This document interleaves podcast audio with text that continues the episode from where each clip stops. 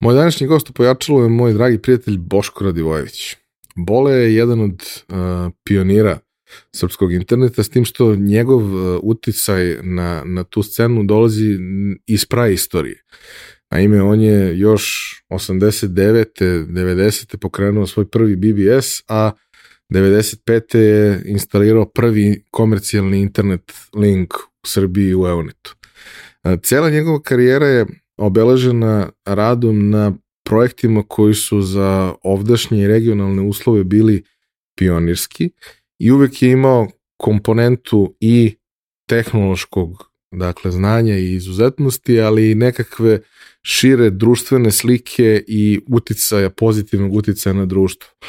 Pa se tako bavio organizacijom Linux Festa, kada to nije bilo cool, ali je bilo preko potrebno, pa je tako učestvovao i u uh, formiranju i radu Ranica na početku i jedan je od ljudi zbog kojih danas imamo ovako uh, liberalan i dobar uh, nacionalni domen.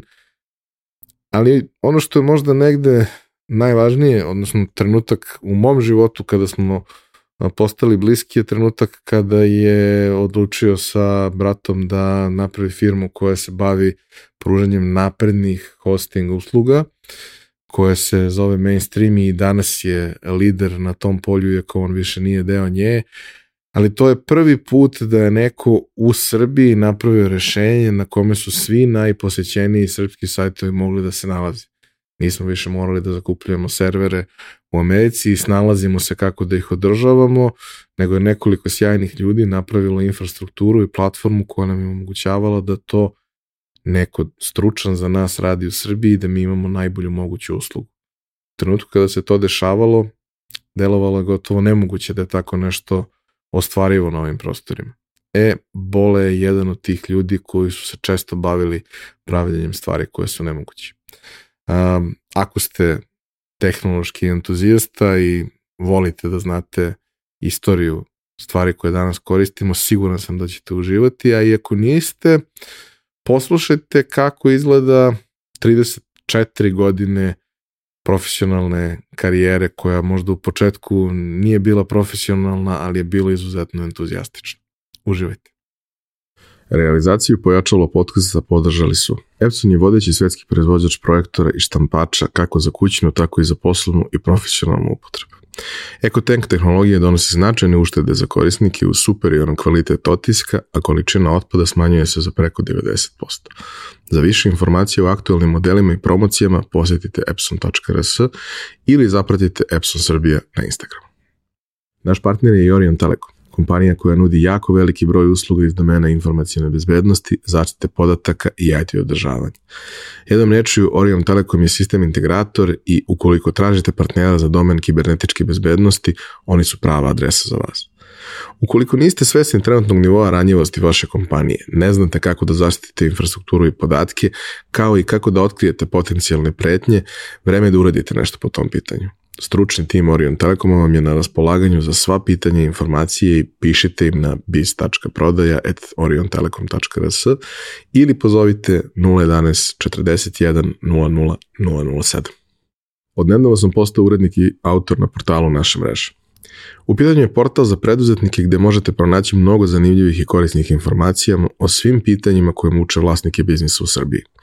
Među autorima možete videti mnogi od mojih gostiju iz prethodnih epizoda, pa topla preporuka da posetite naša mreža.rs.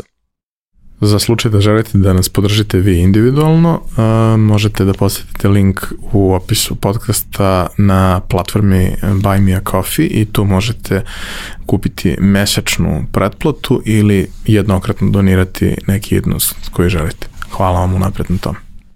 Danas imam tu čast i privilegiju da mi u gostima moj dragi prijatelj, uh, jedan od onih ljudi koji su gradili ovo igralište na kome se svi danas igramo, koje zovemo internet, a takođe e, od ne tako davno, ali ipak dovoljno davno da mu se računa u staž, ovaj gost iz uvoza, a mi volimo da imamo gosti iz uvoza tako s vremena na vreme, jer onda pored svega onoga što dobijemo kroz neku ličnu priču, dobijemo i tu jednu perspektivu te neke sledeće obećane zemlje za koju svi mislimo da je obećana dok ne odemo tamo da živimo. Nekada to jeste sjajno, nekada nije, ali svaka ima svoju specifičnost. U svakom slučaju, Bole, dobro mi došao. Hvala ti na pozivu. Ovaj, ono što tvrdno ne znaš, eto mi se to danas sam se setio, kad si ti počeo sa podcastom, ja to je nekde bilo 2018. 2019. Kraj bilo, kraj 18. Da. Kad sam ovaj, krenuo, ja sam bio siguran da će ti mene odmah da zoveš. Ja sam bio, to je to, znači, ovaj, sad ću konačno završim u podcastu, da izađem na taj televizor. Ali nema, znaš, zvoni telefon, nisi ti. Ja razmišljam, dobro, možda, ajde ispucat ove neke bliže ljude, znaš, od mene. Onda sam ti jedno vreme sve lajkovo, sve što ti rekao, da me vidi, da iskočim, znaš, i to, ali ovaj nije palilo. Onda sam, znaš, prošao sve ono malo tuga, pa sam bio malo ljut. Pre neku godinu sam, čak bio, bio sam ideji da napravim ja podcast ali su me neki iz, izminirali, kažu, mnogo sam ozbilj, mnogo to ozbiljna ideja. Tako da, eto, ovaj, veoma mi je drago da konačno imam tu privilegiju i priliku da gostim kod tebe. A, na onom inicijalnom spisku na, na kome je bilo 80 imena, bilo i tvoje. Ali, znaš, to je uvek neka suluda organizacija i uvek kada je projekat kao što je ovaj hobi, onda nekad možda planiraš unapred i zato sam te i cimao. Sad kad sam znao da kao, ok, oko Božića vi gastosi dolazite, daj da vas nahvatamo tad dok ste tu, a mimo toga, znaš, pustim poruku nekome ko je tako po, pa čak i po Evropi, kad ćeš za, ne znam, dva, tri mesece, jebi ga, za dva, tri mesece ja ne znam šta ću sa sobom, nemam baš mogućnost da planiram toliko unapred zbog drugih obaveza. No, Uh, jesi bio u planu od početka, uh, ali to mesto je zauzeo Marković. Pa ovaj, što i nije, nije dostojno, ali nije loša za Nije loša, da, čovjek je ovaj, stari, mudri, tako da on definitivno, ovaj, i ja sam mudri, znaš, za ovih 4-5 godina koliko je prošlo od tog nekog inicijalnog nadanja do ovaj, o, ove prilike, verujem da možda to i bolje što ovako ispalo. Uh, tvoja lična uh, razvojna priča, znači oni koji te znaju, znaju šta si sve radio, možda ne znaju sve, ali znaju kako je tekao tvoj neki razvojni put i on je uglavnom bio vezan za tehnološki aspekt provajdera kod nas u startu, a kasnije i kompanije koje su se izrodile iz onoga što su nekad bili provajderi, ali su bili specializovani za druge usluge, hosting, cloud i sve ostalo. Ovaj, ali mi uvek počinjemo razgovor i on u principu generalno ide kronološki, Zato što ja mislim da ta geneza bolesti počinje u najranijem detinstvu i ljudi imaju taj moment da ovaj da to nešto što ih zainteresuje kad su mali onda na neki način ugrade u svoj život kasnije, nekada ih direktno kroz to što se bave, ali ne uvek. Tako da je prvo pitanje uvek melo pitanje, šta si teo budeš kad porasteš? Pa isto imam dva odgovora. Znači, postoji jedno, ono stvarno što sam hteo baš kad sam bio mlađi, to je, teo sam budem vatrogasac. I ovaj, vrlo sam imao razlog zašto sam teo budem vatrogasac. Sam kao klinac mnogo volao pa, da palim vatru. I ovaj, imao sam tu sreću, recimo, moja baba me puštala da palim vatru na terasi. Ovaj, tako što mi je davala da pečem paprike u nekom limenom tanjeriću. I valjda sam slušao kako, znaš, zapalit ćeš požar, zapalit ćeš požar, što se dešava kad imam 4-5 godina, ne, ne više od toga. Tako da, ono, originalni odgovor na pitanje je, ovaj, teo sam budem vatrogasac, a zapravo ne pamtim da sam ikada želeo da postanem taj neki kompjuteraš znaš, to sam neminovno ovaj, postao. Ovaj, kod mene se kući, pošto to, imao sam tu neku sreću da, da odrastem u, familiji koja je bila ta neka prva era tih računarskih, ne znam, naučnika, ne znam kako bi to... Entuzijast. Entuz, pa, mislim, entuzijazam jeste tu bio glavna neka komponenta. Recimo, kod nas se nikad nisu govorili kompjuteri, kompjuteri nego računari. Da, da se primetio, ta inženjerska, inženjerska ovaj, klika Srbije je ekstremno ovaj, osetljiva na, na jezik i na pravilnu upotrebu jezika, tako da većina onih ranih diskusija po forumima i konferencijama se često vrtela oko ovaj, gramatike, padeža i tako dalje. Datoteka, direktoriju. Tako je, tako je. Ovaj, ja sam tu negde bio između, neke, selektivno sam prihvatao te srpske reči, ali datoteku stvarno nikad nisam zvao datotekom. Dugo sam se mislio šta je to specteka, otkrio sam da to neka specijalna datoteka i tako dalje, ali u suštini, ovaj, eto, moj neki životni put kreće dosta rano, 87. na zimu, 87. ili možda već bilo 88. Ovaj, stigo je prvi PC XT iz Nemačke ga je doneo ovaj, moj čale i moj prvi kontakt sa uh, računarima je bio kroz igricu uh, Leisure Suit Larry, što je kasnije čovek sazna zapravo jedna ovaj, seks komedija avantura u kojoj jedan sredovečni Lari pokušava da, da, da, da mu se posreći i ti ga vodiš kroz to. I to je bio moj, bukvalno prvi susret sa računarom je bio taj Lari. Ovaj, ispostavlja se da dok je moj čale puštao tog Larija, ja sam nešto drndo ono kontrast, brightness na, na monitoru. I ovaj, sutradan ujutro, pošto sam ustao dosta rano, ovaj, a moji kao svaki kompjuteraši nisu, jer su radili do kasno, ja sam ustao šest ujutru, upalio kompjuter, razumeš, uvatio taj monitor i krenuo. Kontrast, brightness, neće Lari da se startuje. Ja mislim da to bio trenutak kad je moj čala ako pogledao u, u ovaj, moju majku rekao, ženo, mislim naše, volećemo ga sad, šta da, šta da radimo. Tako da, ovaj, start nikad nije ovaj, lak. A, s druge strane, moja neka sad zavr, završio sam u tom računarstvu, nikad nije postojala šansa da budem nešto drugo, znači ne znam gde je tu moju, kad je to promišljanje, ja želim to da budem. Ono što ovaj, je meni neka bitna tema u svemu tome jeste da kroz taj naš životni put, zašto sam počeo se bavim računarima? Ja sam imao podršku da se bavim računarima na svakom, svakom koraku, znači od tog nekog inicijalnog larija, jel, pa preko, ne znam, Basic me učio Ćale, pa me mama učila da programiram u Fortranu, pa smo brzo prešli, ne znam, na Pascal i tako dalje. Postoje sad, proćemo taj deo tog nekog ranog mogu ovaj, susreta i sa, ne znam, Unixima i telekomunikacijim, BBS-ovima, to je ekstremno interesantno.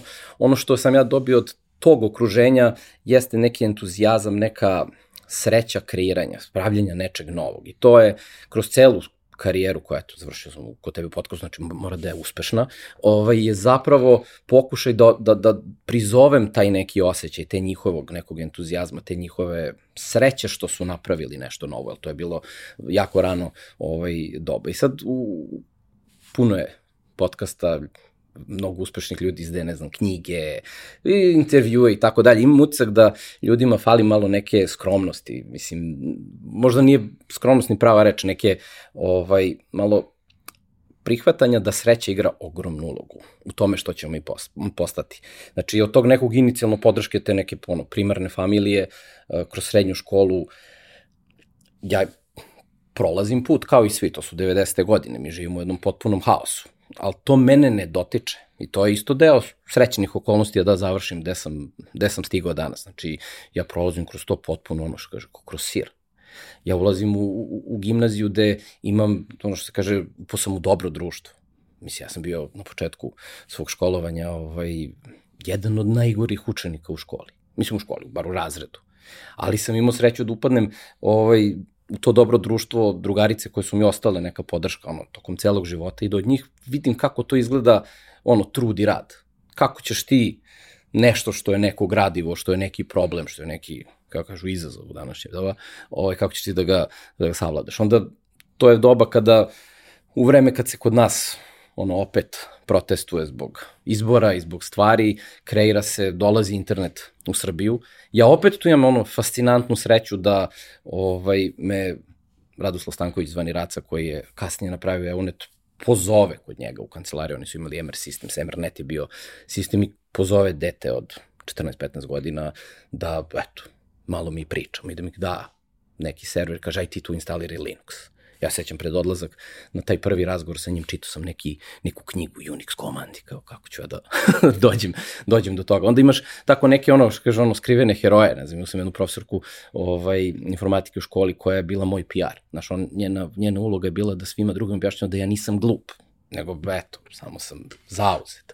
I tako da ovaj, u tom nekom smislu ovaj, postoje elementi kroz, kroz život koji su me bukvalno usmerili da ne odem negde gde ne treba i smatram da je ono ta sreća kao verovatno neki predominantni ovaj faktor u tome. Mislim, pada mi sad na pamet, ovaj, psiholozi vole da rade razna testiranja ovaj suluda. I sad, jedno od testiranja koje sam čitao je bilo stave veliku grupu ljudi i bacaju novčić i treba da nabodeš, ne znam, deset glava ili pisma zaredom I sad statistika kaže, jel ne znam, za 10 puta to vratno nešto ovaj, manje od 0,1%, znači od 1000 ljudi jedan će možda stići do kraja. Ljudi već posle 5-6 tog, da kažem, ostajanja u tom krugu počinju da razvijaju teorije kako zapravo oni znaju da bacaju novčiće. I oni su ti koji zapravo diriguju stvarima. A ja baš nisam siguran. Vidim, mislim, uh, ljudi generalno uh, vole da pridaju uh, značenje i karakteristike stvarima koje te stvari nemaju. To je onaj moment koja je šansa da bude glava ili pismo. 50-50. A sledeći put, pa isto 50-50. Nije. Kako, brate, nije? Znači, isto je. Ali dobro, da, da ne ulazimo u ovaj, kognitivne disonance i sve ostale stvari.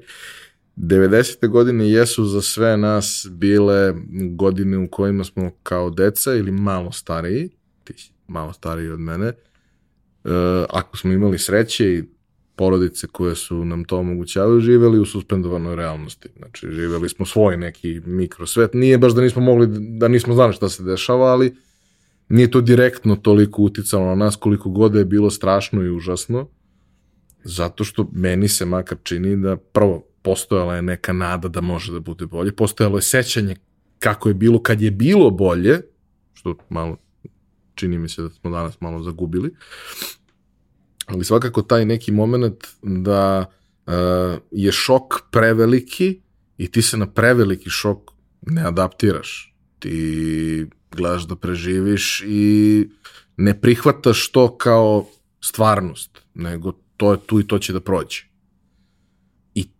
Te najstrašnije stvari su prošle, posle manje ili više vremena.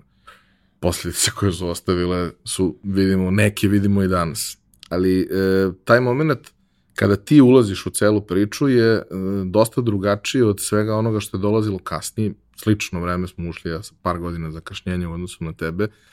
To je bilo vreme gde jedini način da naučiš je bio da ti neko pokaže ko to već zna, ili da eventualno dobiješ neku knjigu, ili da dobiješ fotokopiju neke knjige, i šta ima u toj knjizi, to je maksimum svega što ti ikad možeš da naučiš, A ako fale neke strane, te strane koje fale nikad nećeš naučiti, osim ako ne provališ sam.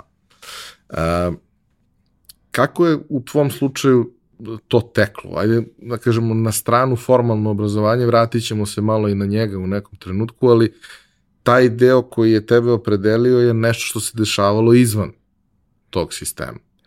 Pa znaš kako, tu je, ja mislim, osnovni moment su donele telekomunikacije, odnosno BBS-ovi u tom ranom, ranom dobu. Ja sam se, ja mislim, na Sezam prijavio negde 89. Ovaj, ja sam klinac, znači imam 9 godina u tom trenutku i skoro mi je jedan ovaj, dobar drugar našao neke ono, logove sa tih, ovaj, tih konferencija, mene stvarno bilo sramota ovaj, da, da to čitam. Mislim, ja sam klinac od 90 godina koji ovaj, dosta ovaj, pritiska ljude da mu daju igrice za Herkules i e, tražim ovo ili ono i pravim ubrzo i svoj BBS, što moji roditelji, kako bih rekao, ne prave problem. Znaš, ja imam BBS koji radi od 10 ujutru, uveče do recimo 8 ujutru, ovaj, gde u principu svrha BBS-a se neko zakači da ga ja uvatim u čat i da ga ubijem od smaranja kao, ono, kao dete. Mislim, ovaj, postoji čak jedan snimak koji nažalost je izgubljen ovaj, u jednoj emisiji koju je Studio B došao mene kući da, da snime. Sam to doba je Sezam pravio ovaj, neku svoju emisiju posle par godina ovaj, Sezam. Ja sam na njoj bio kao najmlađi Sezamovac. I naravno, sva ta ekipa koja je bila stari mene su šutnuli prvi da se snimam.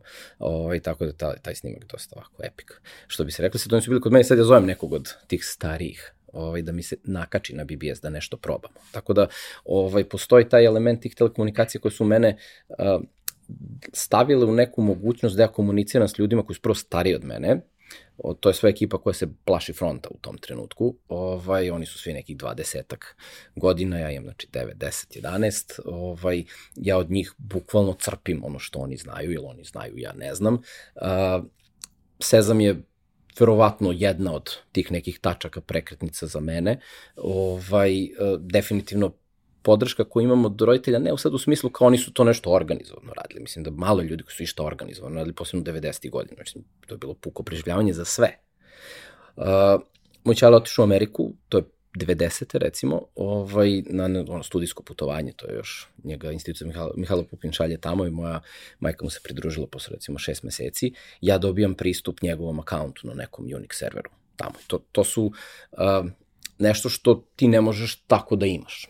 Ti imaš kući neki PC XT, tamo dobijam neki akaunt, ja prvi put vidim taj internet, kako to izgleda, tad još uvek nema weba, ali postoji, ne znam, telnet, postoji neki RSH i tako dalje. Ja počinjem to da kapiram šta se tu dešava, krećem sa svojim BBS-om, tu sam naravno imao neku ideju, ne želim da budem PC board, nego sam bio Wildcat i Remote Access, to delili smo se uvek na neke klanove. Sad se više ne sjećam što je to bilo bitno, znam da je bilo ekstremno bitno, ovaj, ostalo je u, u, to, u tom domenu i to je neki taj period tu do 95. godine mog polaska u, u, u ovaj srednju školu i tog nekog hvatanja tog toka nov internet koji stiže u Srbiju. Uh, otprilike u tom sličnom periodu ja krećem da idem u petnicu, ovaj, što je naravno u nekom, nekom društvu uvek bilo, a ne, petničar, on je, ovaj, kako bi se štreber, ali sam imao odgovor. Ovaj, uh, ja sam u prvoj godini srednje škole završio sam razred sa 2.33. Tako da sam imao, kako bih rekao, čagu da nisam štreber. I onda mi se moglo i da idem u petnicu i da to nije neki problem ovaj, u, u svetu oko mene. I tu nekako srećem ekipu koja je slična meni. Znaš šta je osjećaj? Kao, jo vidi, ja nisam jedini lud, mm. ima nas još, znaš. I, ovaj, i to je uh, prva neka prilika u kojoj ja, kako bih rekao, relativno strukturirano učim nešto. To, mi imamo tad i kao predavanje iz znam, algoritama, strukture podataka, srećem neke ljude koji, koje, sre, koje ću sretati i prepletati sa njima ceo svoj život. Uh, kasnije to je neka, neka grupa uh, koja većinom je ostvarila ono, fantastične rezultate u raznim nekim ovaj, oblastima i paralelno kao neki treći trek u sve to dolazi ovaj, internet u Srbiju. Ja eto, ko što rekao, imam sreće da, da me Raca nekako prizove njima. Ovaj, a, sad ja tu već imam jednu godinu dana nekog iskustva sa, sa njim i sa nekim tako poslićima, bavljenjem ovaj, Linuxom i tako dalje. Ja sećam jednog poziva, ovaj, kaže, možeš ti bole danas da dođeš, mogu, ovaj, pokazuje mi neki, neki HP server, onako kocka jednovratno ima jedno stotinja kilograma, kaže, jel bi ti mogao ovde da namestiš prvi internet link u Srbiji? Ovaj, taj internet link nikada nije ušao u komercijalnu upotrebu, to je bio neki leased line ovaj, od Beograda do Holandije u Access for All. Uh, bio neki Nokia modem koji se kačio na 21.600. Počeli smo s 38 i 400, pa smo spuštali ovaj, dok, dok nismo uboli. Naravno, tu je bilo gomilo nekih ovaj, telekoma između koji su morali da to po, po, potrefe i tako dalje, ali eto, ovaj, u mojoj biografiji piše da sam instalirao prvi HP UX koji ima nekav internet izlaz. Ovaj, I to bude iskustvo koje te menja, koje te ne samo na, stavljate na neku putanju, nego to je iskustvo koje ti sad, ti shvataš značaj toga.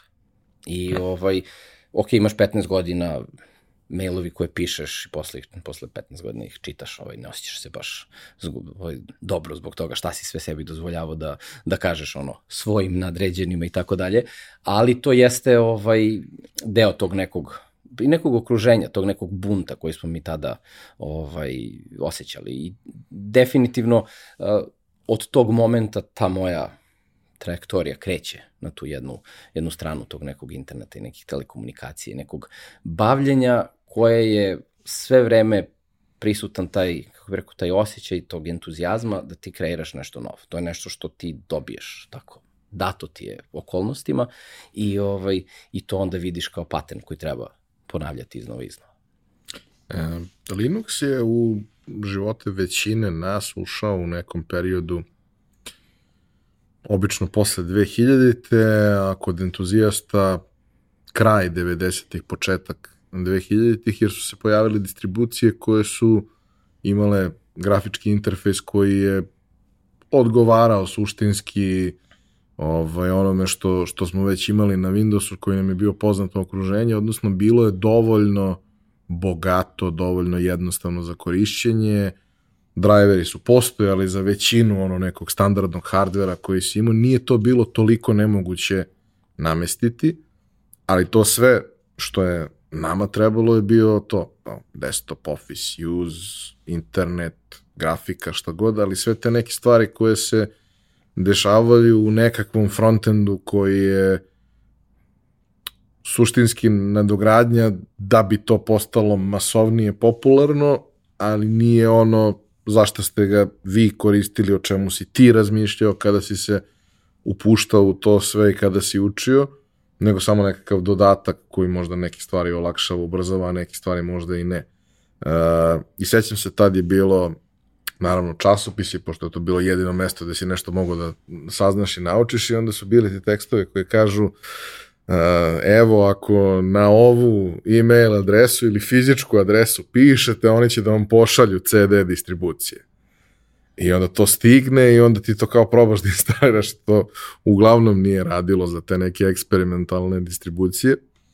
Ali uh, Unix i Linux su potpuno imaju potpuno drugu ulogu u, u, u životu kada ga gledaš iz ugla infrastrukture i svega onoga čime si se ti bavio kako si uopšte došao u kontakt sa tim, kako si učio sve te stvari, zato što to nije bilo klik, klik, klik i radi. Pa znaš kako, tu postoje sad puno nekih elemenata. Sad, ono, kroz taj neki sociološki element, ovaj, tamo 92. 93. 94. ogromnu ulogu ima Raški centar ETF-a i preko puta Raški centar Univerziteta u Beogradu, gde se okuplja neka ekipa koja nešto zna. Ovaj, ja sam naravno i tu sam klinac, ovaj, pa me često izbacuju iz tih učionica, pa ja bežim, pa onda idem iz Raca gore u 70-icu i tako dalje.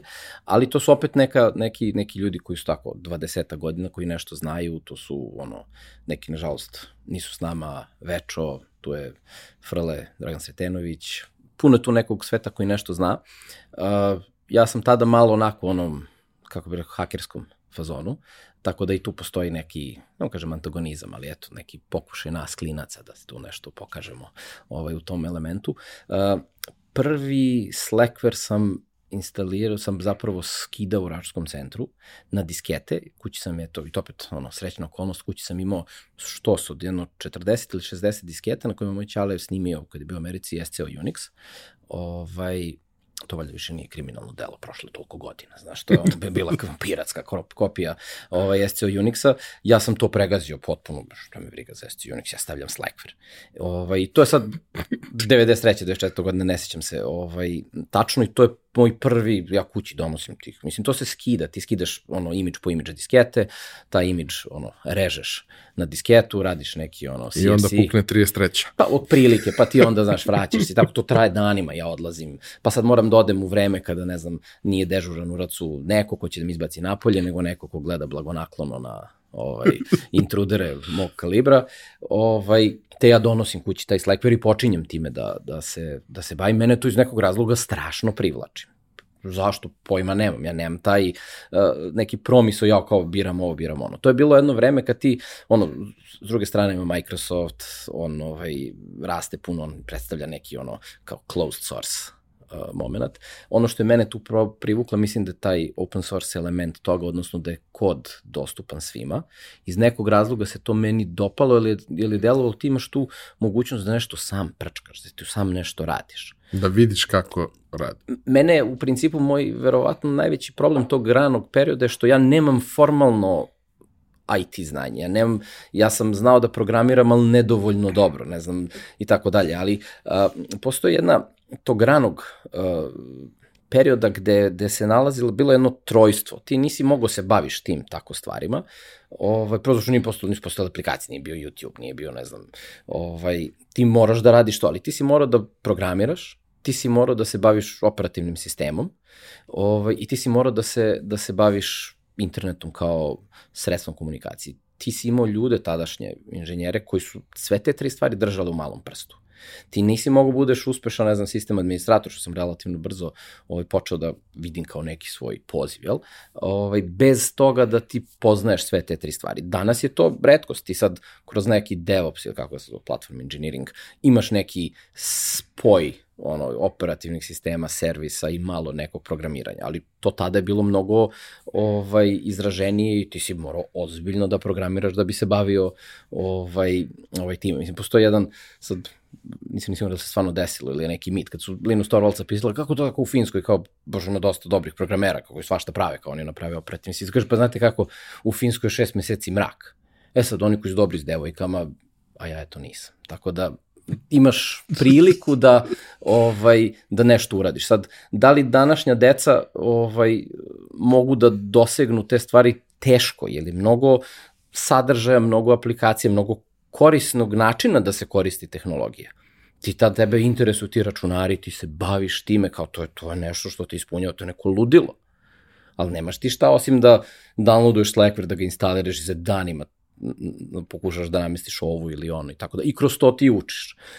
Ono što je bio drive jeste neku, te, neke te telekomunikacije u to doba, gde se reći četvrta, ovaj, nastaje inicijativa Zamir, zvani Zamir, to su mreže BBS-ova za razmenu ovaj, poruka koje ja delom hvatam, ovaj, nastaje neka UCP mreža ovaj, koju originalno pravi ovaj, Zadule, Dušan Mihajlović, Busy Connection, koja je nekakav pandan nekom setnetu ovaj, koji ima neku drugu logiku. Uh, ja pravim neki hub kod sebe kući, ja UCP-om skidam, ne znam, od nekud, pa onda neki od mene skidaju, tako da ti sad imaš neku misiju svemu tome. Nisi ti sad tu kao dokoni klinac koji sad ne zna šta bi od sebe, što je realnost, uh, nego ti imaš misiju da ti tamo neku poruku, ne znam, iz nekog Sarajeva doteraš do nekog u Kragujevac, recimo, i ti si deo te misije i ti se baviš tehničkim enable, enablementom toga. A učiš samo tako što gledaš druge ljude i oni te usmeravaju jer pa kao... Pa ti, i ti učiš po sistemu ono pokušaj i pogrešaka i to je to. Ti teraš, pitaš nekog nešto, neko ti kaže, neko ti ne kaže. Neki ljudi su ono u tvom timu, neki su protiv tebe. Ti učiš sam. Ono što ovaj ja u tom periodu vučem jeste postoje ljudi koji to znaju. Oni su malo stariji od mene, oni su to nekako i formalno uspeli da nauče.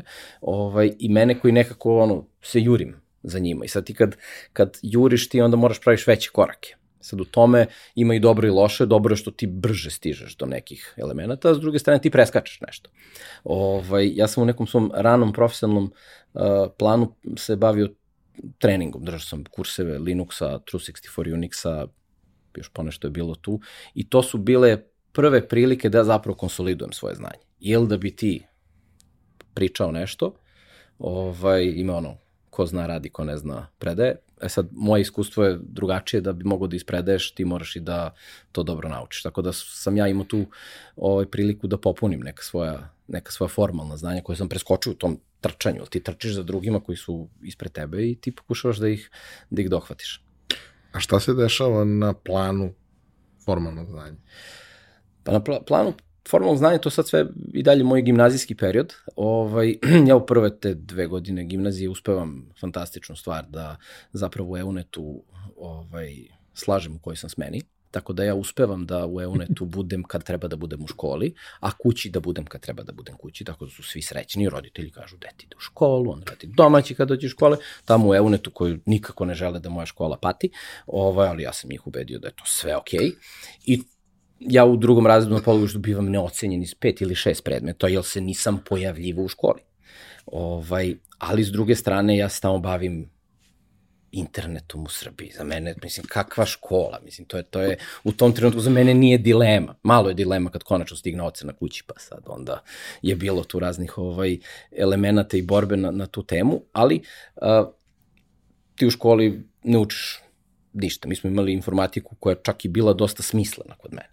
Ja se... Deveta je uvek bila dobra gimnazija, prvo pa, Pa jeste, ali ja se sećam, imali smo prvi kontrolni i ovaj, tu sam uradio svih šest grupa Ovaj, svi smo dobili petice. Ovaj, došao je sledeći kontrolni, niko ništa nije spremao, jel, šema je jel, tu. Ovaj, ušla je profesorka Bojana, ovaj, ona je pogledala kroz učionicu i samo rekla, Radivojević, ako izvolite, izađi napolje. Ali, ali, izađi napolje i ceo razbij.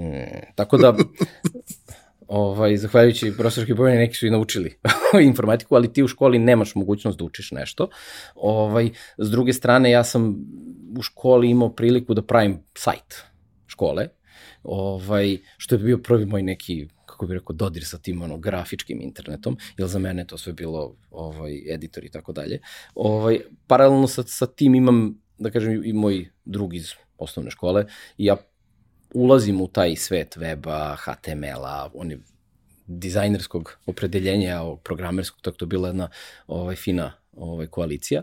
Ali u tom nekom periodu mi počinjemo da maštamo ne, o tom nekom Linux, ne znam, movement, open source. Tu, tu se rađaju te prve neke ovaj, ideje. Mi smo živjeli kod Fontane i šetali često do Dunava, te neke priče o nekom Linux festu. I to su, uh, to je taj element da ti imaš ideju da nešto da pomeriš. Mi smo tad kao ratovali s Microsoftom, mi smo da pokažemo kako je taj open source mnogo bolji i jači, ne znam. Taj i sad, možemo posle da smo pobedili ili nismo, ne znam. Ovaj, ali uh, rađa se ta ideja, paralelno s tim idu protesti, ide ovaj, o, onaj natpis Beograd je svet. I, I ja znam da je mene to Beograd je svet, da mi je to bila glavna neka spona, zašto hoćemo da napravimo taj Linux Fest? Hoćemo da taj neki svet, open source svet, Linuxa i tako dalje, dovedemo u naš Beograd. I mi to i uspevamo konačno posle ovaj, bombardovanja u decembru ovaj, 99, znači danas je malo više od 24 godine od kad smo ovaj, taj prvi Linux Fest napravili. I to je jedna onako, kao i sve u tom periodu, na potpuno oruk organizacija. Mislim, ovaj, ja tad više nisam u gimnaziji, ali mi profesorka Bojana omogućava da uzmem stolove iz neke učionice iz devete, da nama trebaju stolovi, mi pravimo neki install fest, da će ljudi da donesu svoj računar i da im neko instalira.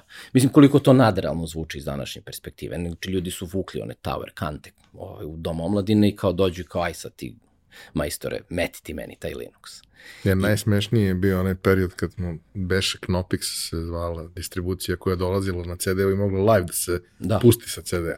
To ne radi, to, to radi užasno, ali možeš da pokažeš nekome da to nije toliko strašno, evo vidi, interfejs je takav da možeš da probaš da ga koristiš. Pa jeste, i sad, opet, znaš, nekako u mom životu su stvari, uh, stalno bilo isprepletano, tako kako bi rekao, ono, stroga tehnika i strogi neki, pa ne znam, ono, okruženje koje ne mora nužno ga zovemo političko, ali neko ono društveno okruženje. Na tom uh, Linux Festu 99. godine nama dolaze ovaj naši, kako bi rekao, pirovi Sloveni. Znaš, to je, mi sledeći, vrlo brzo, posle toga šest meseci, posle toga mi putujemo u Sloveniju. Mi ne možemo putujemo kroz Hrvatsku u Sloveniju, nego mi prvo idemo u Budimpeštu da uzmemo mm. vize, jer smo mi zamislili da posle, što mi ne možemo ni kroz Austriju, ni kroz Hrvatsku, mi možemo samo direktno iz Mađarske u Sloveniju, a što bi to bio problem? Naravno, ne postoji ni jedna autobuska linija koja ide iz Budimpešta u Ljubljanu ili Maribor, mi smo išli u Maribor, kroz taj neki Dolga Vast prelaz. Ili idu kroz, šteno, kroz Austriju ili idu kroz, kroz Hrvatsku. Znači mi moramo da stopiramo. Mislim, to je jedna epopeja, ali to su neki, ovaj, opet taj element uh, tih nekih telekomunikacija, opet te neke ovaj, komunikacije, koordinacije sa nekim ljudima koji su slični tebi, koji imaju istu tu neku želju da doteraju taj neki open source. Ok, diagnoza sigurno, ali e, taj Linux Fest nastaje kao jedan uh, udruženi neki ono poduhvat tako grupe nekih entuzijasta. Mi smo, postojala je Lugi lista, Linux mm. Users Group of Jugoslavia, ovaj, da smo se mi većinom vremena napucavali beskrajno. Mislim, te, te, to je, sećam se, ovaj, uh, jedan je rekao, kaže, ko, ti nisi ko tebe kamenom, nego ko, pa ti, nego ti ko tebe kamenom, ti njega hidrauličnom bušilicom, ili tako nešto. Znači, to su bili, ono, ali ti kažeš, e, čao drugari, mi, aj pravimo taj Linux Fest. Ja sećam, bio je, ovaj, a, prvi taj neki sastanak, ovaj, firma je bila e-soft, koja nam je dala svoj prostor da se mi tu okupimo. To je sad, ja sam ovaj, relativno skoro nešto ovaj, pisao na tu temu, pa sam prošao kroz listu ljudi koji su bili na tom sastanku. To su sve sad neka imena, znaš, to su, znaš, ovaj, nije to sad bilo ko, ne znam, to su, to su ljudi koji su dosta ostvareni tada, ali tad smo bili svi tako, znaš, ono, tu smo se, nešto smo imali neku organizaciju, neke smo sitne pare uspeli da dobijemo, uh, ali tu sad ide i taj neki, ono, uh, prošli smo bombardovanje, dolazi, ne znam, 5. oktobar koji makar tada delo kao da se stvari ovaj, nekako nezaustavljivo idu na dobru stranu. Sporo ili brzo, to je stvar debate, ali kao put je jasan. Ovaj, nama konferenciju u nekom trenutku, ne znam, otvara ministar za nauku, što je veliki plus, nešto što je potpuno underground, mislim, Linux, koliko znaš da je Linux, znači tamo, de, de, mislim da to bilo 2001. ili 2002. Ovaj, Dragan Domazet je bio tad, mislim, ministar za nauku, on to otvara, znači to sad jedna ozbiljna konferencija, ima, ne znam, 650 ljudi na otvaranju, ukupno smo dali, recimo, 3000 nekih karat, karata, kao da bismo mogli da, ovaj, trekujemo ko je tu sve prošao i došao i tako dalje. Postoji neka međunarodna konferencija, mi dovodimo uh, ljudi iz IBM-a, Tom Bunen je bio iz IBM-a, Kai Arno, koji je MySQL, jedan od pokretača MySQL-a, sada je CEO fondacije Marija DB. Znači, to su ljudi koji dođu u neki Beograd, mislim, u kome oni ništa ne znaju. Tako da... A neka... ako znaju, ne, to nije dobro. Da, pa, da, hvala Bogu. Znaš, ti njih vodiš, ne znam, mi smo išli u, uh, ono, u Skadarliju, vodiš, ti njima pokažeš taj Beograd, a oni kao, je, šta, šta, šta, kao, šta biste vi, ono, mesina, na sve, ja jedem ribu, kao, ja. Znaš, kao, šta, gde ćemo tri šešira ribe, to, to, to, ili ima neke ribe. To papiretina vam je kao riba. to, to je posno, je, to posno je. Tako da, u tom nekom segmentu ti opet imaš taj, s jedne strane neki tehnički, s druge strane taj neki, ono, socijalni element, ovaj, i neku moju stalnu ono igrariju između ta dva sveta, ovaj, koja mene ispunjava zato što mi nešto menjamo, ovaj, ta naša ideja ovaj, da dovedemo taj svet u Beograd, nekako uspeva, mi pravimo i neku organizaciju Open Source Network of Jugoslavia koja u principu nije nikad ovaj, zvanično zaživela, osim što smo pravili konferenciju u Sava centru u onim ovaj, onim salama u sredini, znaš, to bilo puno ljudi, nije, znaš, mi smo, mi smo valjda prvi izmislili da ljudi stoje ispred sale, da bismo pokazali kako je velika gužva ispred, unutra i tako dalje.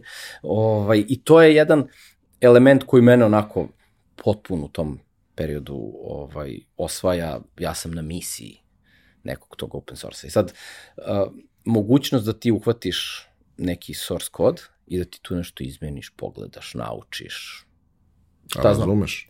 Pa, del, dijelomice i razumeš, da. Ako si ovaj, srećan u datom trenutku. U, u, u mom slučaju opet ovaj, postoje neki, neki ljudi koji znaju te stvari bolje od mene, a bliski su mi i ja uspevam da, da uz njih i ja ovaj, postanem ono, bliži. A što se tiče samog razvoja, da kažem, komercijalnog eh, dela te cele priče, providinga i svega toga, što je kanal kroz koji zapravo je najveći broj ljudi ima kontakt sa, sa internetom i svetom.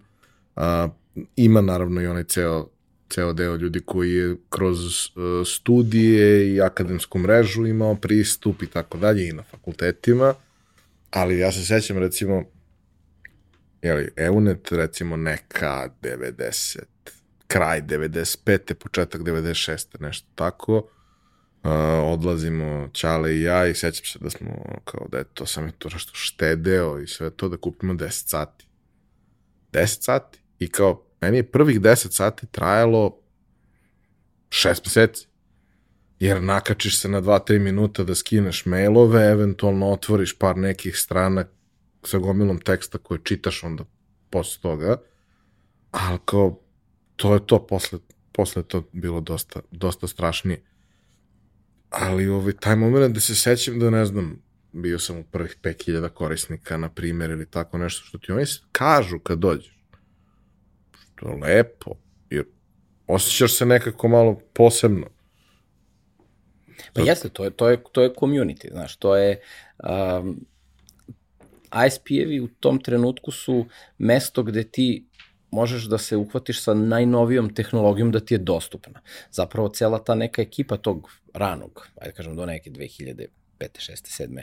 godine tog ISP ovaj, momenta kod nas su ljude, ljudi koji puno znaju, jer ti da bi radio ISP-u ti stvarno moraš sve da znaš. Moraju da programiraš, moraju da se baviš administracijom i hardverom i networkingom i tako dalje. Sad naravno počinju segmentacije, neki su više u jednu stranu, neki su više u drugu stranu, ali generalno to je mesto gde, uh, kako bih rekao, taj neki uh, entuzijazam opstaje, jer ti imaš servis koji radi 24 sata i ti moraš da ti živiš, ja sam od u EUNET-u, da kažem zvanično, oficijalno, full time počeo da radim krajem 2002. godine i ti živiš s tim sistemom. Nema ti sad kao lego sam da spavam, mislim, to ne postoji ako nešto crkne, ali ti u tom trenutku ne vidiš to kao neko, ja, opet, moj, opet sam dežur, znaš, kao moram da idem. Mislim, ti jedva čekaš da neki alarm stigne, da ti juriš tamo u Sava centar, da nešto čačkaš, prčkaš i tako dalje. Opet ti si okružen ljudima uh, koji puno znaju. I sad ja mislim da je taj da se vratim na onu temu kao sreća koja je mene nagnala da, da, da uđem u tu ovaj, stvari jeste da e, tu imam priliku da radim sa značajno boljim od sebe. I to je to opet ja pravim velike korake, imam rupe, ali te rupe ono popunjavam ovaj, dosta brzo. Eunet je startovao u suštini Eunet je bio franšiza Eunet Internationala. Ovaj, taj, ta ekipa Euneta, Eunet je inače skraćenica od European Unix Network pa je onda kasnije kad se komercijalizovao dobio ono nešto što je nema Unix u svom imenu kao EUNET. Ovaj, I on ima, on plaća EUNET domaći plaća neki, neki procenat nečega za korišćenje ovaj brenda. Uh, ali od iz tog holandskog dela EUNETA dolazi puno neke ono best practices, kako se radi ovo, kako se radi ono, kako treba ovo, kako treba ono. I oni, oni uspevaju da nekako u to jedno okruženje ubace taj neki element, e, da ga nazovemo ono technical excellence. Znači, da je tehnika i kvalitet toga što radiš, da je to ključ. I to je opet jedna srećna okolnost da, da taj management, pomenuti Raca i, i to, ta ekipa, ne idu protiv toga. Nije to sad klasična srpska ono, gazdina, primar, sad Cisco, Svako može sa Ciskom, aj ti sa, ne znam, ovim ili. Znači, tu postoji, e, kako bih rekao, neki transfer znanja i transfer nekih standarda, kada je ta neka tehnološka priča u pitanju, koji meni lepo sede, oni mene lepo oblikuju u tom, u tom trenutku. I ovaj, uh, u tadašnjem postoji sad ceo taj Linux movement polako pada, jer nekako svi smo mi počeli da radimo po nekim firmama da je malo ponestalo vremena za ovaj kako rekli ono društveno korisni rad, ali mi nastavljamo da budemo u nekim ISP-evima kolege, mi se tu na tom nekom kolegijalnom ovaj uh, nivou družimo na toj ideji kasnije mnogo godina kasnije nasto RSNOG ovaj gde su to ljudi koji u ISP svetu su se susreću sa realnim problemima skaliranje. Evo ne tu nekom ako se dobro sećam, trenutku ima, ne znam, preko 300.000 dial-up korisnika. Znači, 300.000 mailboxa koje treba obslužiti. To u današnje vreme, uh, to šta, Gmail, 1, 2, 3, to se lako rešava, ali tad to nije bilo, nije postojalo rešenje. Ti praviš neki klaster, pa treba neki management za taj klaster, pa imaš um, deo klastera koji prima mailove, deo klastera koji šalje mailove, kako ti to sad šalješ korisnicima, kako čuvaš te podatke, kako backupuješ te podatke. Znači, to su realni ono biznis problemi koje ti na tehničkoj strani pokušavaš da rešiš. To je sad jedan element. Drugi element je hosting. Na početku hosting je kao ono, tabla na, na zidu. Neko zalepi sliku, stranu, kaže, ne znam, firma ta i ta. Polako taj, taj web dobija neki pseudodinamički element. Sad više pljunuti tu sliku nije tako lako, moraš malo nešto isračunaš. Sad polako taj, ovaj, to počne da se skalira i ti imaš realan problem šta ćeš s time. Šta ćeš sa sajtom kome je kao taj jedan server mali? Što je, to je bilo uh, vrlo vrlo jedno nejasno okruženje, jer smo imali uh, snaga tehnološka, serverska, kako god, je rasla jednom brzinom, ali je softverska podrška uvek nekako kaskala za time. Ti sad imaš potrebu za neki klasterom, pa onda, ne znam, nastala virtualizacija ili neko smislu, pa čekaj, ima mnogo jak server, i u suštini mi ne treba za jednu stvar taj jak server, treba mi male neke komponentice. Ali si imao i kontra slučajeve, posebno u ISP svetu, gde tebi jedan server ne rešava posao, tebi treba neki klaster nekih ono, jakih ovaj, servera koji će odraditi nešto. I tu, tu je ono, taj biznis tu gura ceo taj tehnički i tehnološki razvoj i i eto, ta ekipa u Evnetu mi biramo open source, mi biramo Linux, zato što se mi sa time ovaj, lakše nosimo nego da plaćamo nekakve enterprise licence i tako dalje. Lično sumnjam da, da, da barem u tom trenutku su enterprise rešenja mogla zapravo da izađu na kraj sa tim zahtevima. Mm, to mi jeste bilo negde, negde, da kažemo, tema, to usložnjavanje svega što se dešava. U startu, ti si instalirao link i bilo je važno da postoji link i da je neko mogao da ga koristi i tako dalje, ali sada se sve to usložnjava jer prvo postoji mnogo veći broj ljudi koji koriste to i u paraleli i ovako i onako i koji koriste više servisa.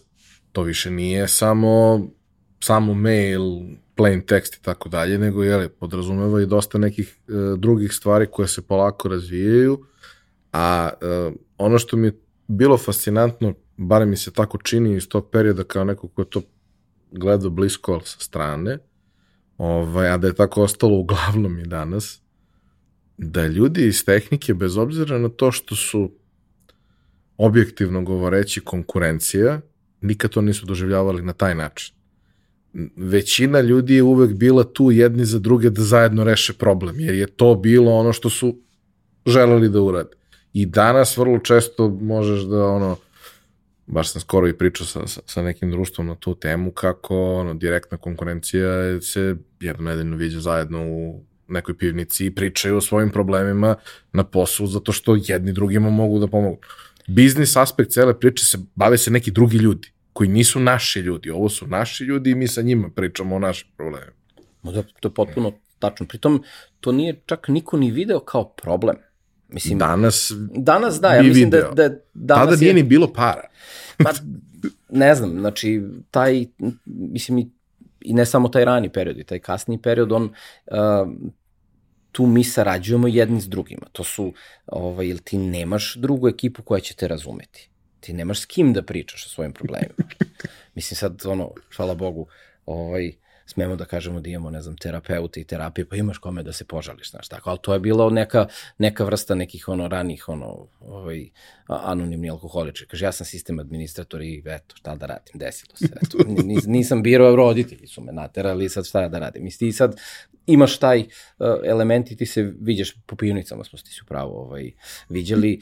Postojalo te jedan period, opet sad se vraća malo na, na, na te onaj prvi deo 90-ih, viđali smo se u Meku kad se otvorio na Slavi, to nam je bilo ovaj, ne znam, baš je bilo interesantno. Znaš. Svetlo, lepo. Ja, zove po svetlo, pa šareno, ono, crveno, žuto, ne boje. Ovaj, ali tu su te neke prve, prva iskustva, znaš, ja ne znam kako smo mi zvučali tim ljudima, znaš, sad je normalno, sedneš u kafiću i kao neko pored tebe čuk, čuk nešto programira. Mislim, to tada, znaš, nije, nije, nije, nije bilo okej. Okay. ali to neka ekipa koja te, koja te razume. Sećam se, ono, i, ne znam, LAN partija i zajedničkog igranja i svega gde kao mi klinci od, ne znam, 15-16 godina, pošto nema niko kola, i ne, ne od nas, nego često ni od roditelja, kao potrpaš u kese ili cegire i slično i monitor pod ruku, kućište, tastatura, miš, sve u ceger i u bus. Jer se gledaju kao ludaka, ali jebi ga ti ideš na, ne znam, ono, cerak jer naredne dve noći je plan da se igra counter dok da moče ne pobele. Ne znam, mene nisu zvali na te žurke, ali recimo u tom kontekstu, šta šta znam, nisam, nisam bio druželjubiv baš, ali ovaj, recimo 95. 6. Ovaj, pomenuta više puta profesorka Bojana dolazi po mene ujutru u kolima, ovaj, mi idemo u matematičku gimnaziju, moju nesuđenu gimnaziju koju za malo da upišem, bio sam jako depresivan što nisam, ovaj, mi nosimo moj računar da ja tamo na nekom takmičenju ovaj, prikažem neko moje rešenje za kako bi rekao, neko skalabilno, nestrukturirano ovaj, e, unošenje rezultata prijemnih ispita. Ovaj, tamo osvojam drugu nagradu. Naravno, bio sam ovaj, potpuno ubeđen da prvu nagradu dobio neki iz matematičke gimnazije, ili on iz matematičke gimnazije, mada realno ovaj, to što je napravio bilo fantastično, ali to je isto to. Ona dolazi nekim svojim jugićem, pazi, ona to ne radi u svoje radno vreme, to je subota, ona, ona, to je čist entuzijazam. I puno tih nekih uspešnih priča počiva na tako nekome ko je došao i ono, u subotu mesto se odmara, ne znam, igra preference što je volila da radi, ovaj, dođe po tebi potroši s tobom 10 sati da te spakuje tamo, odnese ti prezentuješ tu svoju neku, ovaj, neku zamisao. um, kako se dalje razvijala priča sa, sa tvojom profesionalnom karijerom? Eunet je jedan jako važan deo, jer je početak, ali, znaš kao, u nekom trenutku vremenskom gde smo mi sada, što je negde 2002. 3. 4. 5. 6. to postaje biznis. Odnosno, počinje ozbiljnija poslovna primjena toga, što suštinski znači da to više nije samo igračka za čudake, nego je resurs, nego je infrastruktura, prelazi iz oblika nečega što je nice to have u nešto što je infrastrukturno pitanje. Ok, počinju ADSL-ovi kablovske, sve što uz to ide. Prvo je bio onaj SMIN, pa smo mogli da zovemo da nam ne kuca telefonski račun ogroman, zato što smo na internetu, pa smo imali flat koji, koji imao dvojnika, je imao traume, bog dvojnika, ali dobro sad. Ovaj, ali kažem, to prelazi iz oblika nečega gde se samo kuplja grupica čudaka koja se loži na to i tih nekih entuzijasta koji ili su iz tehnologije ili im je to jako bitan kanal, pa ne znam, studira biologiju, ali to je jedini način da se čuje sa fakultetom u Belgiji da razmene papire, šta god. Ovaj, kako, se, kako se to dešava i kako se otvara ta cela priča i generalno i u tvojoj karijeri? Pa taj broadband, broadband odnosno ADSL kad je stigao, pošto ja sam bio ovaj, na toj strani koja se bavila u tom trenutku ADSL-om, to je bio verovatno prvi put da sam ja bio ovaj, da sam video kako izgleda ta neka, nazovimo, tehnološka promena, neka, dođe neka nova generacija. Mi smo u tom trenutku, to je bilo 2005. godina, pravili nekakve ono, poručbine i tako dalje. Sveći da smo mi se bavili interfejsima koji su bili 100 megabajta. 100 megabita. Znači, postojala je kao pitanje da li da idemo sa kao karticama koji imaju ono dva puta 1 giga, ali su bile mnogo skupe. Ja sećam mogu razmišljati dva puta 1 gigabita, mislim, čemu to? Ovaj, I to je bila neka ono, moja loša procena, znaš, ti ne, ne znaš ti šta će to da donese. Sad ADSL kreće relativno ovaj, brzo, tu se u poslovnom smislu to bilo jako interesantno vreme, su se tu karte promešale.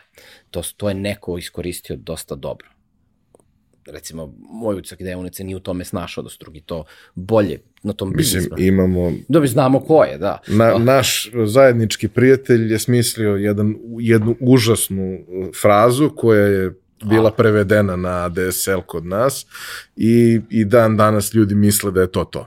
Tako je. Ovaj, mislim, i ono, na tome mu svaka čast. Mislim, u tom trenutku stvarno nisam ovaj, imao tako pozitivno mišljenje o tome, ali to je bio za mene prvi put da se vidio da ono, ne možeš ti starim trikovima stalno da se služiš i da i u tom nekom biznis smislu se stvari ovaj, menjaju. Ja sam u Eunetu do pred kraj 2007. početkom 2008. odlazim, što je neki moj bunt. Mislim, sad iz ove perspektive realno nije post, bila potreba da ja odem odatle, mogu sam tamo da ovaj, provedem još ovaj, nekoliko ovaj, finih godina, ali paralelno sa tom nekom nekim periodom, tako 2006-2007 godina, dolazi do ovaj, ozbiljnijih aktivnosti na reformi na ovog našeg ovaj, tada .u prostora, koji je u nekom limbu, u tom nekom post oktobarskom ovaj, uh, periodu. Moj kako bi rekao, moj dodir sa time ide iz perspektive Euneta, gde sam ja najčešće u situaciji da, kako bi rekao, ono, nosim dres Euneta na tim skupovima, tu je još uvek bilo nejasno kojim to putem treba ići, postojala jedna, jedna deo ekipe tog ISP biznis sveta koja je naginjala ka nekom komercijalnom rešenju, se napravi akcionarsko društvo koje će time da se bavi, pa će svi da imaju neke akcije i tako dalje. Mislim, tu je što šta nečega se ovaj, dešavalo. Ono što je moja lična priča je da mojim odlaskom iz Eoneta zapravo sad odjednom postoje neki prostor da ja mogu tim ranicom da se bavim kao ja.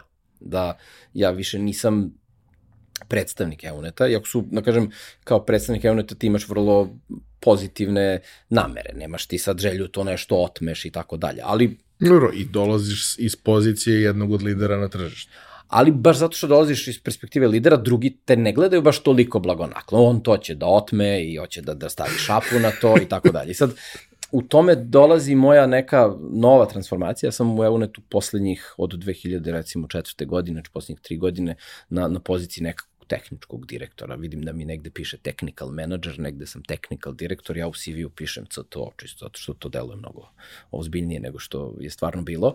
Ali sam u, u, u, nekako, mi smo taj noc koji je tu postoje, bilo nas je ove četvorica jakih, I to je bilo teško okruženje. Mislim, radiš sa još trojicom koji su ono, kao tipa malo luđi, a u nekim segmentima mnogo bolji od tebe. I to je onda ovaj, moje neko iskustvo tog, uh, kad sam dobio tu ulogu kao neko ko je menadžer toj ekipi, ti odjednom imaš problem ono, autoriteta, znaš, kao ti, kao sad, ti si ono, moraš da odlučiš hoćemo levo ili hoćemo desno i sigurno nekom neće baš da bude ovaj zadovoljan uh, sa time. I taj neki, kako bih rekao, to, to je prvi put da ja sad hvatam i taj biznis segment, neki menadžerski segment, ovaj, koji mene prati celog života. Ni sam ne znam koliko sam uspešan u tome. U principu, kad bi sad popunjavao neki psihotest, sigurno bi se pokazalo da to ne volim da radim, ali u prilici sam bio. I ovaj, izlaskom iz Euneta, tad je bio nekakav kaskadni sistem izbora za upravni odbor, pa se deo upravnog odbora menjao svake recimo dve godine. Ja sam bukvalno uleteo u trenutku kad se ovaj menjala polo, manje, manje od polovine, recimo tri od sedam članova upravnog odbora, više se ne sjećam kako to tačno bilo, i ja sam tu kao, pa dobro, možda mogu ja da uđem taj upravni, što da ne, imam ja neko mišljenje o tome. I ja ulazim u, u upravni odbor ovaj, Ranica, to je neki rani početak 2008. februar, mart, april, tako nešto.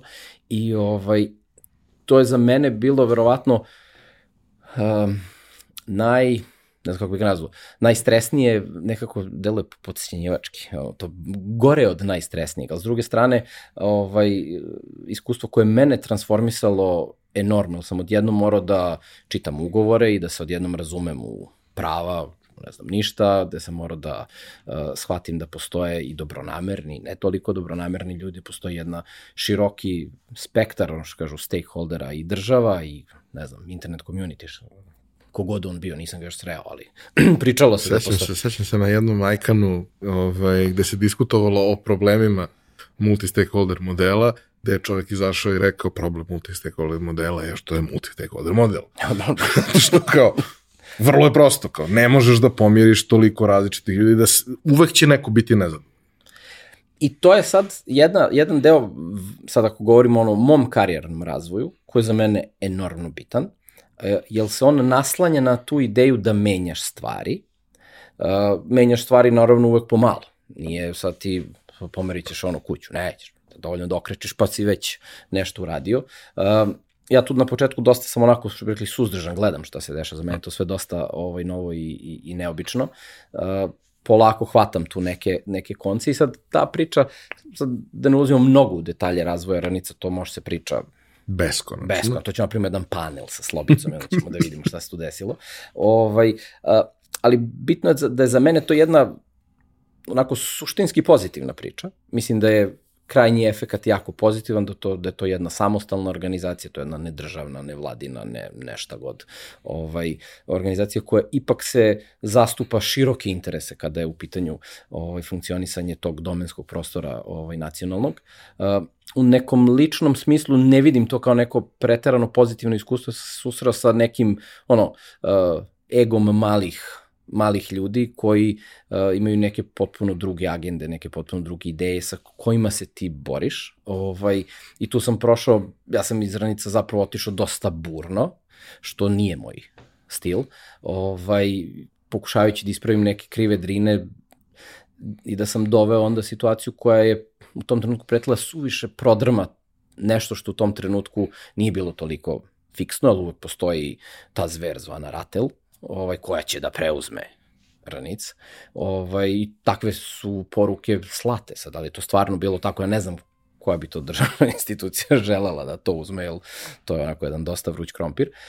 Ali u tom smislu uspešno je, jer je to sad jedna ono, samostalna organizacija, a ja prolazim kroz neki, neki aranžman da ja na kraju moram da izađem pred tu konferenciju ovaj, su osnivača, zapravo i ti si bio u centru tog celog skandala, sad se ovaj, ovaj, prisjećam.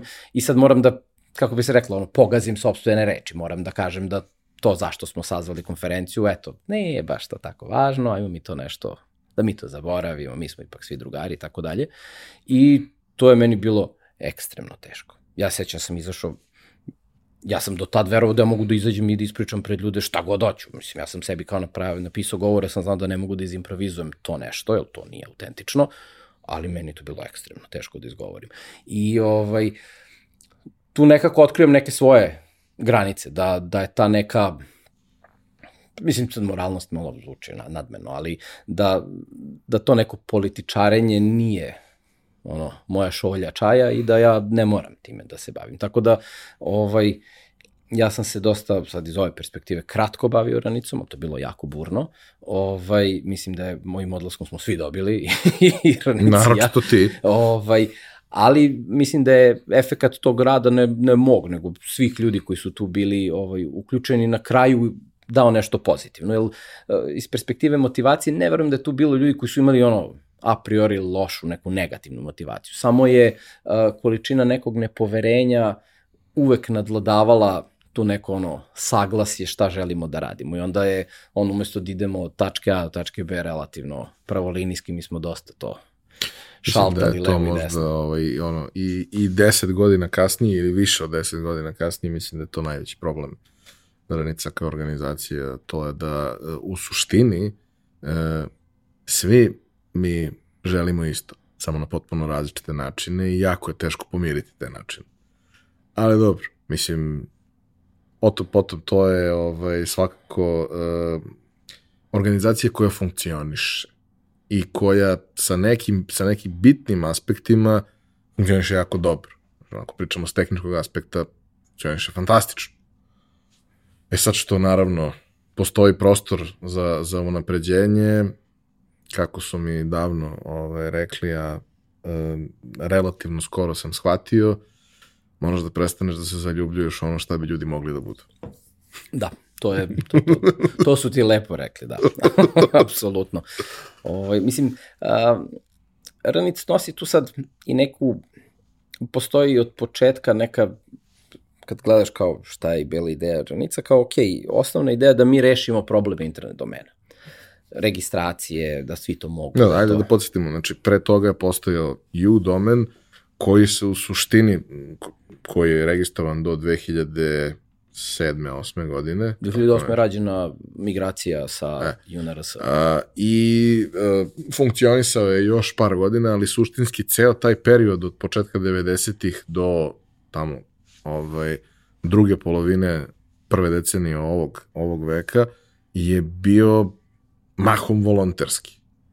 Kroz rad nekoliko ljudi koji su bili na elektrotehničkom fakultetu. I na PMF-u. Da, tu ovaj, aktivno. I sad, to je značilo da neke stvari kad treba da ti promene DNS, to možda traje jedan dan, možda traje i mesec dana, zato što ljudi sednu i rade koliko mogu, a stiglo je gomila nekih zahteva i svega toga. Takođe bilo je gomila ograničenja, a ono što je bila glavna stvar je domen je mogla da ima samo firma, mogla je jedna firma da ima jedan naziv domena i uh, on je bio trajno registrovan i bio je besplatan. Što su sve gomila nekih ograničavajućih faktora koji su problem da to može da na duge staze i u trenutku, ne znam, kad je bila tranzicija, bilo je 40.000 U domena. Jeste, mislim, tranzicija, tranzicija isto interesantna zato što je to, ja, ja mislim, prvi primer u svetu te tranzicije. Ovaj, ako se ja dobro sećam, a ne sećam se, ovaj, a, U na RS, tranzicija je i u Iconu bila prezentovana, mislim da je baš Sloba ovaj, prezentovao kako to, to teklo. Ja sam bio član te radne grupe ovaj, za, za tu tranziciju i tu je postojalo puno nekih on operativnih problema, jel ti za neke domene nemaš dokaz ko je vlasnik, to se menjalo i tako dalje, ali ta tranzicija kad se ovako pogleda iz perspektive, znam, kod sebe, kod sebe u CV-u pišemo o toj tranziciji kao jednu strašno bitna stavka. Ona je u suštini prošla mnogo lakše nego što bi iko mogo da pretpostavi. Tu je zapravo nekakvih sporova, odnosno nejasnoća bilo jako malo možda je bilo 10 domena koji, o kojima se neki kako bi rekao, ono, neka diskusija vodila, ali na kraju je sve to rešeno na, na, na ono, sreću i zadovoljstvo svih ovaj, učesnika u, u tom procesu. I to jeste opet jedan deo ono komercijalizacije interneta.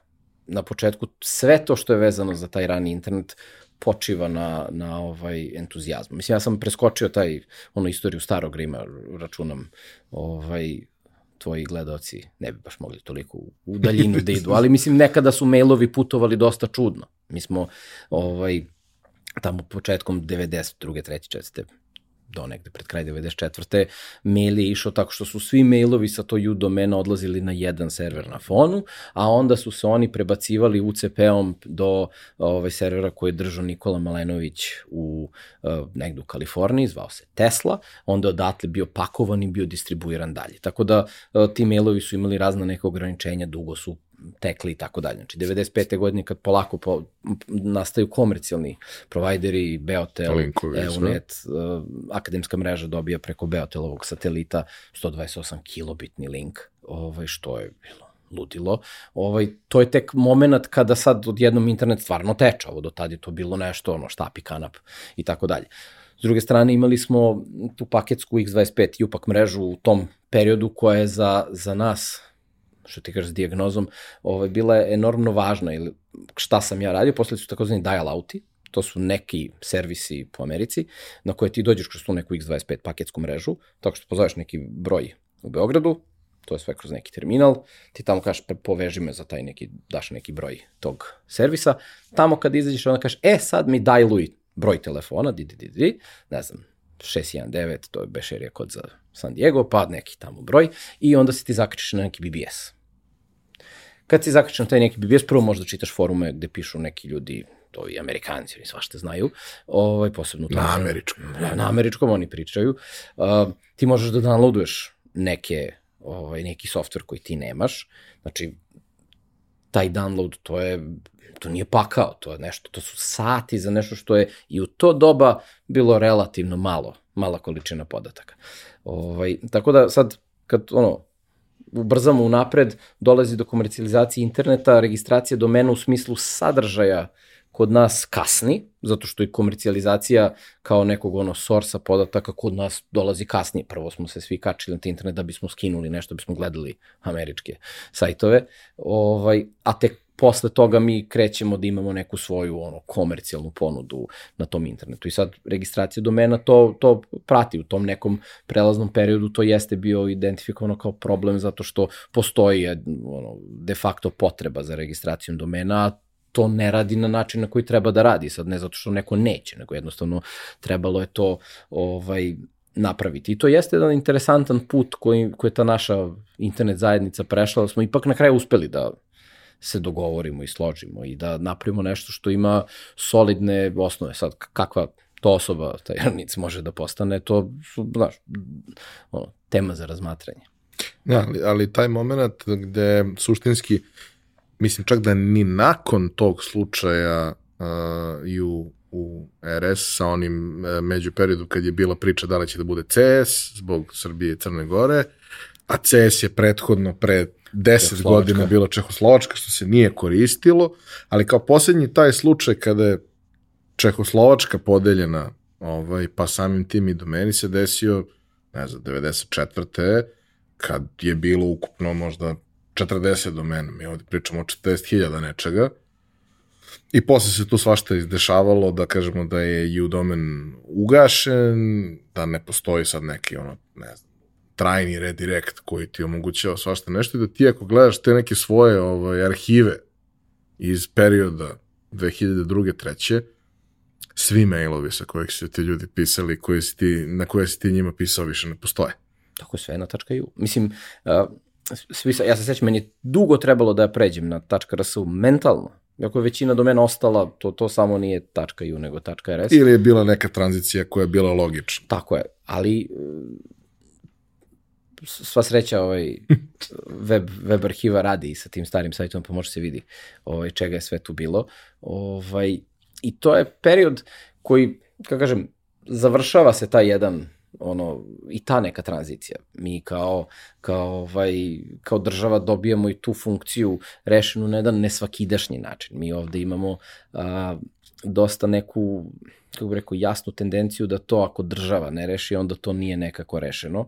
Ovaj, mal, male količine nekih udruženja građana, fondacija i tako dalje, koje obavljaju neku, tako kako bih rekao, ono, jasnu neku društvenu ovaj, funkciju, što recimo u svetu mnogo češće to rade takve neke neka udruženja nego što to ovaj radi država i taj neki strah da bi država to mogla da poželi za sebe je uvek bio prisutan. To je kako bih rekao nešto što nas je možda i najviše ono ovaj zbijalo da da ipak ono ostavimo neke neke različite ono poglede na stvari sa strane i da kao probamo da da napravimo taj registar za nas. Mislim, s druge strane, ta funkcija, tu sam zapravo inicijalno teo da kažem, ovaj, funkcija registracije domene dosta brzo i dosta dobro rešena. Ona je u startu rešavana. Ono oko čega je bilo puno nekih uh, nedoumica jeste ta neka druga funkcija, ta neka šira društvena funkcija. Da li je ona okrenuta ka sadržaju, domaćem sadržaju, propagaciji domaćeg sadržaja, što je vjerojatno jedna od velikih tema ovaj, u, u ranicu, mada je pitanje da li time treba Ranis da se bavi ili ne, podrška nekakvim, nazovimo ono, community proj, projektima i tako dalje. Sad u tom domenu verovatno postoji puno nekih ne, neiskorišćenih prilika i neiskorišćenih strašansi, ali je pitanje da li zapravo tako nešto organizacija kao što je Ranic može da se bavi. ugledajući ceo aranžman i da se naša mišljenja, kad izađemo iz tog onog što je baza, to je registracija domena, ono, strašno počnemo da se razlikujemo šta mislimo da treba, kako treba i tako dalje. E, od prilike u tom nekom periodu smo se i mi upoznali, e, zato što smo, e, ja sam tada jeli, vodio Burek, koji je imao svoje servere zakupljene u Americi već nekoliko godina zbog obima broja, broja poseta i svega toga. Mi smo imali neke mašine, to je počelo sa nekom smešnom mašinom u Houstonu, u jednom, ispostavići se su, odnosno Houstonu, ovaj, u jednom uh, tamo uh, provideru. Kasnije je to bilo nekoliko mašina koje su to sve vrtele, međutim, realno uh, ja i uh, Nenad i ljudi koji, smo, koji su mi pomagali sa tehničke strane u svemu tome, došlo je faktički do ono ivice nečega što može da bude naše znanje i suštinski ako ćemo da idemo dalje onda treba samo time da se bavimo što nije bilo nije bilo realno i mi se upoznajemo preko zajedničkog prijatelja koji mi kaže da njegov dugogodišnji prijatelj ima potpuno suludu ideju. Potpuno suludu ideju da u Srbiji u okviru lokala napravi, odnosno bude deo data centra napravi hosting provider koji će, da će se serveri nalaziti u Srbiji, što znači da će to sve jeli, optimalno brzo raditi, jer ako su u Americi onda postoji neki, neki lag u svemu tome. Ako su u Nemačkoj onda je malo manje, ali i dalje postoji, jer to ipak nije fizički tako blizu. A uh, Srbija je delovala apsolutno nezamislivo za nešto tako, jer sve što je postojalo tog tipa od usluga kod provajdera, uglavnom je bilo preskupo i uglavnom je čak sama cena nekih pojedinačnih tirova usluga koje su oni nudili nije bila toliko sporna koliko je to, ne znam, u tom trenutku mi imamo mašinu sa 16 GB RAM-a i 8 korova i tako dalje i ona nas košta, ne znam, 500 eura, a u tom trenutku 8 puta slabija mašina u Srbiji košta isto toliko sa problemima sa protokom, sa ovim, sa onim. E, naravno pričamo o kompaniji Mainstream, koju si sa uh, ekipom pokrenuo tada, ali taj moment kad smo se upoznali je meni, ono, mislim, life changing na, na mnogo načina, ali taj moment da ja sedim i kao, šta nije u redu sa ovim čovekom, zašto on to pokušava da radi? Kako je uopšte došlo do svega toga? Pa znaš kako to, ja opet imam tu neku ovaj, ideju da ljudi često imaju dobre ideje u pogrešno vreme ili ono, uh, imaju loše ideje u pravo vreme i da zapravo optimum nastaje kad tebe neka sreća pogleda i sad naravno ne mislim da nema naše zasluge, ali to je bila dobra ideja koja je bila u dobro vreme za srpske uslove. Ona je već tada za svetski uslov bila jako zakasnela ideja i u tom nekom smislu je nama i posao bio olakšan što smo mogli da vidimo kako se to radi napolju. I to je uh, jedan fascinantan moment da Srbija u posebno tom periodu ekstremno je u tom nekom tehnološkom slash infrastrukturnom smislu jako daleko od sveta. U tom trenutku je i razlika među Evrope i Amerike ogromna. A mi... Pritom, da, da, da ne preskočimo, to jeste period u kome se desi ogroman skok, u smislu da ti sada imaš široko pojasni internet dostupan kući, počinje bude dostupan na telefonu i sve to. Jeste, kasni to dosta, ali u odnosu na pre pet godina ti si na super mestu. Samo je to mesto pet godina. Ma, više od, od pet godina. Znači, moja neka, sad opet malo se vraćam u, u ovaj, u, u prošlom prethodnom RS-nogu, E, mislim da je Sloba pisao, ovaj, e, najavu za mene da sam, da dolazim iz preistorije interneta, tako da kao i svaki ovaj, ti dinosaurus, ja se izvinjam što moram da krenem od ovaj, tog preistorijskog vremena, ali ja sam od 99. do 2002. proveo na Uraškom centru ETF-a. I to je, ja sećam, pričam sa, sa, sa Ćaletom o tome, kaže, to ti je odlično kao mesto, zato što je, oni će uvek obezbediti da kao administratori kao imaju najbolje ono, računare. Znači, to, to je period kad mi nemamo pristup, ne hardveru, tehnologiji, infrastrukturi. Znači, ja dolazim na ETF u kome sve je Staro. Mislim, ima tu svašta, pojavila se neka donacija Sage, nekog Solarisa, velike neke Spark mašine na koju sam ja stavio Linux, na opšte zgražavanje celokupne te ekipe, pošto nas je ta delegacija posetila još jedno, kao ja, da vidimo mi našeg ovaj, kao uh, Sparka, pa kako se snalazite sa Solarisom? Solaris? Kako šta je to Solaris? Pa kao oni došli, instalirali smo, a, mi smo stavili tu Linux, nemojte se brinete. Tako da ti si sad, ti sad element gde, gde dolazi, ovaj, tada je upravnica Raškog centra bila Maja Ivanović i ovaj, ona je bila ono, jako dobar Oracle programer. To redko srećeš nekog ko ima tako entuzijazam, snagu, kako žene samo mogu da imaju tu snagu. Ja sam redko vidio muškarci koji imaju tu Znači, to može pomeri ne kuću, nego, brate, grad ceo može da, da pomeri, a pritom je iz struke, što se kaže. Znači, zna o čemu se radi. Ona je rekla, vidi ovako, ovde imaš neke servere, oni uopšte nisu bitni. E, ovo je Merlin i on ti je jedini bitan. Rekao, dobro, šta je, što je to bitno? Tu su plate i tu su ocene od studenta. Sve ostalo radi s tim šta hoćeš.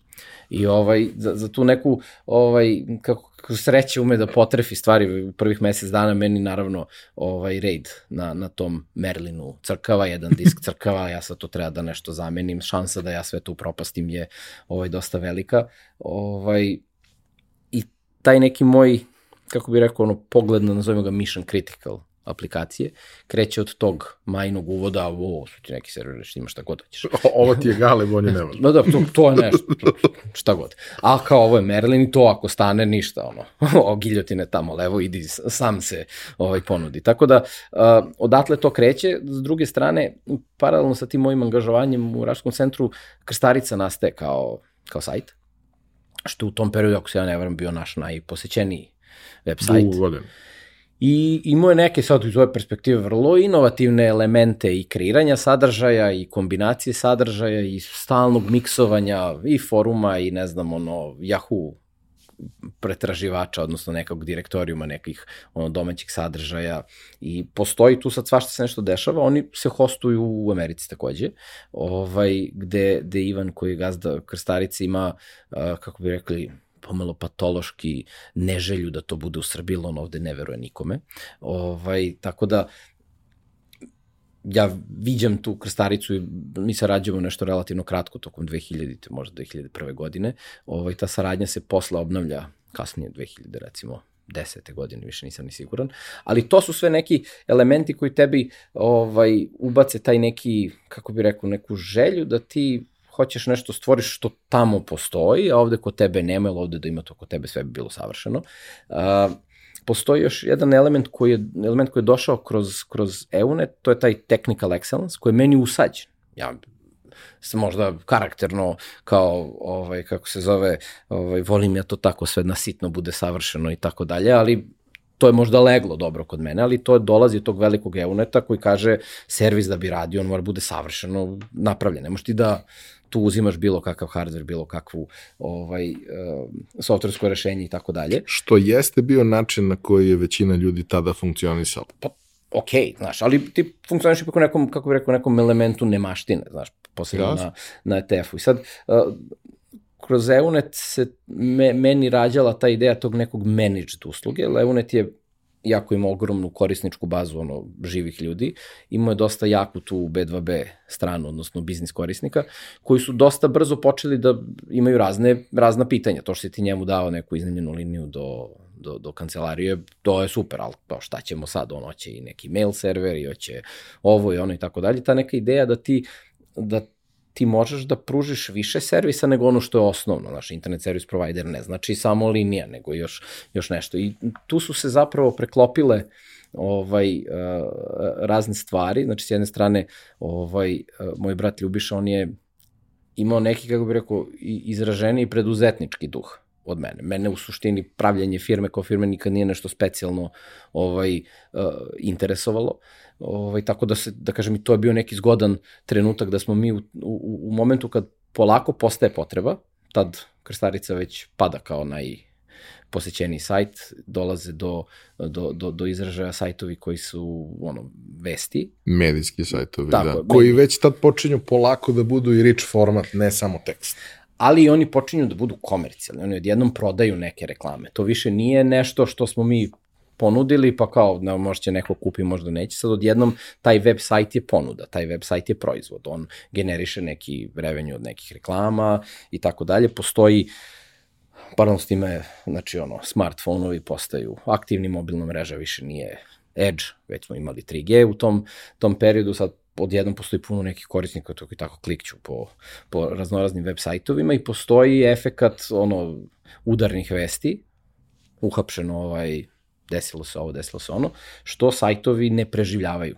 kod nas, jer njihova rešenja nisu ni pravljena da prežive. To u svakom segmentu, infrastrukturnom, uh, aplikativnom i tako dalje. Jer sa tim mi kao ovdašnja ekipa nemamo nikakvog dodira, nemamo nikakvog iskustva. Mislim da Mislim, taj... imaš i taj moment naravno da predimenzioniranje kakvo ti je potrebno da bi se to izdržalo 90% vremena je bacanje para kojih nema dovoljno. Čak mislim, verovatno si u pravu, ali većina problema tehničkih tada i nije moglo da se reši tako. Jednostavno mi kao neka ono, neko društvo nemamo iskustva s tim. Ovaj, mi se tad nalazimo u, u prilici da imamo ideju kako to može da se reši. Mi smo naravno to govorili da mi znamo da, da rešimo taj problem, ovaj, ali mi smo samo imali ideju kako bismo to mogli da rešimo. Mi nismo nikad uvatili u ruke website koji ima toliko, ne znam, uh, upita, toliko ovog, toliko onog i tako dalje, ali iz neke inženjerske perspektive mislimo da to možemo. I mi se startujemo u vremenu koje je pogodno za to, mi smo odjednom ekipa koja može da hostuje ogromne sajtove, a, imamo tu veliku sreću, jer firma su ljudi i ovaj, imamo sreću da tu u tom nekom prvom periodu mi smo ovaj, okruženi ljudima koji na isti način na koji mi veruju u to. Veruju da smo mi sad neki ovaj, neki spartanci koji se bore protiv neke moćne Persije. Ja sećam se neki tekst sam bio pisao pa si ga objavio na, na jednom od svojih sajtova. I, i to je stvarno bio neko, neko naše ludilo, mi smo to stvarno verovali, ja nisam pravio PR tekst u kome sam pričao kako mi moćni, mi mali Spartanci se bijemo sa moćnom Persijom i odbijamo još jedan veliki napad ovaj, vaskolikog srpskog življa koji hoće vidi baš šta se desilo sinoć na ovom ili onom događaju, a, ali to ludilo nas vozi, mi želimo to, mi želimo napravimo srpski servis koji će u Srbiji da, da drži ovaj, najveće sajtovi. So, to je sad na početku, posebno na početku jedan krajnji entuzijazam, opet pokušaj da se kreira nešto novo, da se prizove taj neki, kako bih rekao, taj neki osjećaj koji sam imao kao klinac gledajući moje roditelji kako kreiraju ovu ili ono, ovu ili onu aplikaciju, ne znam, uh, rešavaju ovaj ili onaj problem. Uh, a opet okruženje koje ti daje mogućnost da to uradiš, sam, sam ne možeš. I ovaj, uh, kroz, kroz Ljubišu, kroz, ne znam, Marka, kroz ekipu koja se tu, tu ovaj, napravila, mi uspevamo u tome. Znaš, to ono što je naj, najbolja fora. Kao. super je to, ti imaš ideju, veruješ da možeš i onda ti možeš, a nije lako. Mislim, ti ako se sećaš uh, prebacivanja burek sajta, to je sve radilo odlično do negde 12 u podne. Sve se sve. Kad je, znaš, ono kao, i sve se srušilo. Znači, ti rapidno učiš i to je to ono tvoje pitanje s početka, kako ti učiš? Učiš i sad i nekad si u prilici da imaš pored sebe relativno blizu neko ko to zna bolje od tebe, pa ćeš da ga pitaš. Ali nekad nemaš. I tu je, kako bi se reklo, ok, tad već imamo Google, pa smo lak, pa je lakše, znaš, postoji Google, pa će ti dati odgovore na većine pitanja ovaj, na koje ti odgovor treba, ali i dalje postoji jedan element koji ne znaš i ti istražuješ, ti to je, to je taj inženjerski element ovaj, ovog IT posla. Znači, danas svi govore, ne znam, o, o programerima, zaboravljajući da su programeri suštinski inženjeri, a šta radi inženjeri? Pokušavaju od tih par nekih kockica sastave nešto što nešto drugo radi ovaj, i rešava neki, neki problem. E, to je period u kome, jeli, vi ste suštinski jedini koji se time bavite. Na taj način svi ostali imaju nekakav klasičan providing hostinga. Uh, oni koji nisu imali poverenje su uglavnom imali nekakve fizičke mašine negde koje su onda oni povezivali na ovaj ili onaj način, ali vi ste u suštini prvi koji se pojavljaju sa tim i relativno brzo dolazimo u onu situaciju da recimo 7 ili 8 od 10 najposjećenijih sajtova u Srbiji se drži na vašoj infrastrukturi.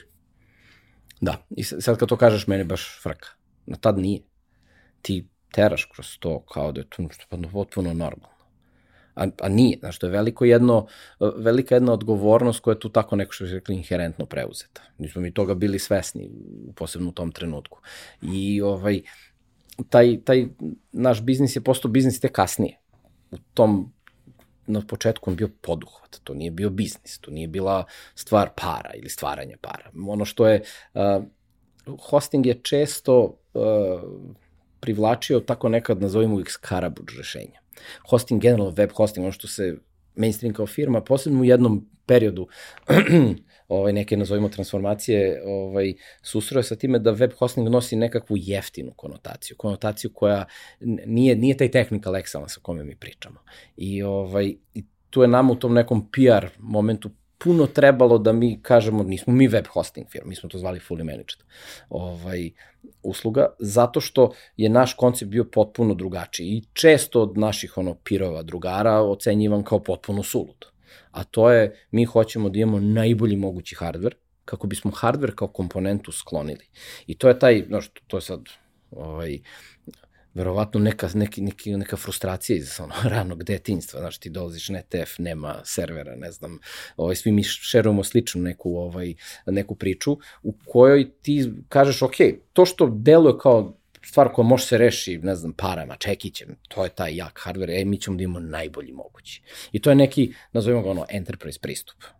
Nije bitno koliko košta, to nam treba i rešavamo time deo problema. Ono što je suštinski problem, što je što treba uraditi preko toga, to se rešava znanjem, to je jedan segment koji često nedostaje, on je dosta unapređen sad sa tim ono, uh, deploymentima, pipeline-ovima, celom tom DevOps načinom rešavanja i sam, da kažem, aplikativni razvoj dosta prišao toj infrastrukturi, infrastruktura prišla aplikativnom razvoju, ali postoji jedan segment koji recimo Google, mislim, među prvima to počeo da zove site reliability engineering, odnosno neko ko je tu između. Jedan ovaj, moj poslodavac je tu umeo da kaže neko ko će zakucati ekser, pa ovoliki ili ovoliki, ali da će rešiti problem dok developeri ne, ne, iz, ne iznenađu neko onako dugoročnije rešenje. I ti tu preuzimaš odgovornost, ono što je bio ključ tog nekog uspeha mainstreama jeste što se mi nismo libili da kažemo,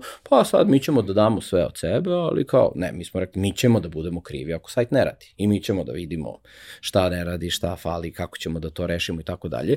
I to jeste, zašto je to ocenjujem kao poduhvat u početku? To je bio poduhvat. Vidi, imaš i taj moment gde, ono, verujem da nije tako bilo sa svima koji su bili uključeni u taj proces, ali oni koji su bili ono, na vatrenoj liniji u svojim poduhvatima, kao ja sad kao neko ko je 7 godina imao ovaj, root pristup za sve svoje mašine i znao u konzoli da uradi veliku količinu stvari koje su mi trebale. Neke stvari sam znao na pamet, neke stvari sam imao sačuvane u tekste fajlovima jer ih nisam znao na pamet jer su bile komplikovane. Ali ja sad prvi put treba da kažem, dobro, ja neću imati pristup tome jer ja vama verujem. I mislim, ja sam tebi verovao i nisam se pokajao i mnogo mi je drago zbog svega toga i mog ličnog iskustva, ali i svega onoga što se, što se nakon toga desilo, jer je to bila priča koju si mogao punog srca, sa, sa, sa čak i momentom toga da, da ga osjećaš kao nešto svoje, jer kao ovi ljudi su isto oštećeni, treba ih podržati u svemu tome. ovaj, da preporučiš dalje i to jeste jedan trenutak kada se desila ozbiljna transformacija i e, celog tržišta, a vi ste ne, niste bili motor, ali ste bili vozilo. Da nije bilo vas, to ne bi moglo da se desi.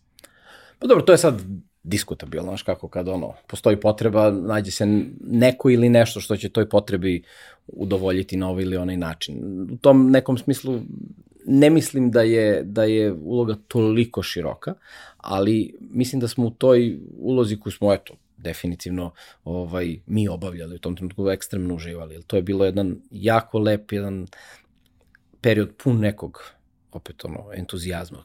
Pravi se nešto novo, prav, tržište raste i tako dalje. Sad tu postoji taj neki moment da, da taj nazovimo ga tržište ono komercijalnih web sajtova koji zahtevaju neku visoku dostupnost, ono je jako ograničeno.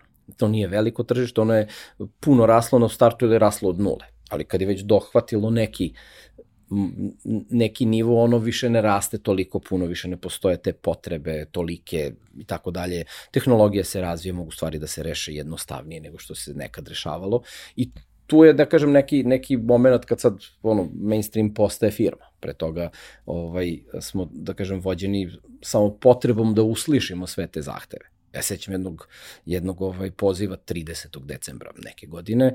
Kaže, je to mainstream? Rekao, jeste. Jo, hvala Bogu da meni je rekao moj drugar, a tom drugaru verujem sve da ste vi jedini ko možete da rešite taj problem. I verovatno jesmo u, u tom trenutku ovaj, i bili i uživali smo u, u toj ulozi. Um, jedna bitna stvar ovaj, u celoj toj priči jeste i to što uh, na početku samom priče ti si tu bio part time, a uh, to je bio posao koji je više nego full time, a uh, takođe, da kažemo, tu su bili i gomila nekih drugara, odnosno ne gomila, nego prvo nekoliko njih, a kasnije sve više i više njih. I čini mi se, sad ti me ispravi ili, ili dodatno ovaj, dopuni, uh, da je to prva situacija gde uh, ti praviš uh, firmu koja je i tvoja i prvi put stvarno možeš da biraš s kim ćeš da radiš. Odnosno, ne, ne u tom smislu možeš da biraš s kim ćeš da radiš, nego imaš tu slobodu da pozoveš sve one koje želiš, a oni imaju ipak ono stepenik više želje da dođu zato što ne dolaze kod tebe da im bude šef, a poslodavac je neko deseti, nego vi zajedno pravite nešto. Pa jeste.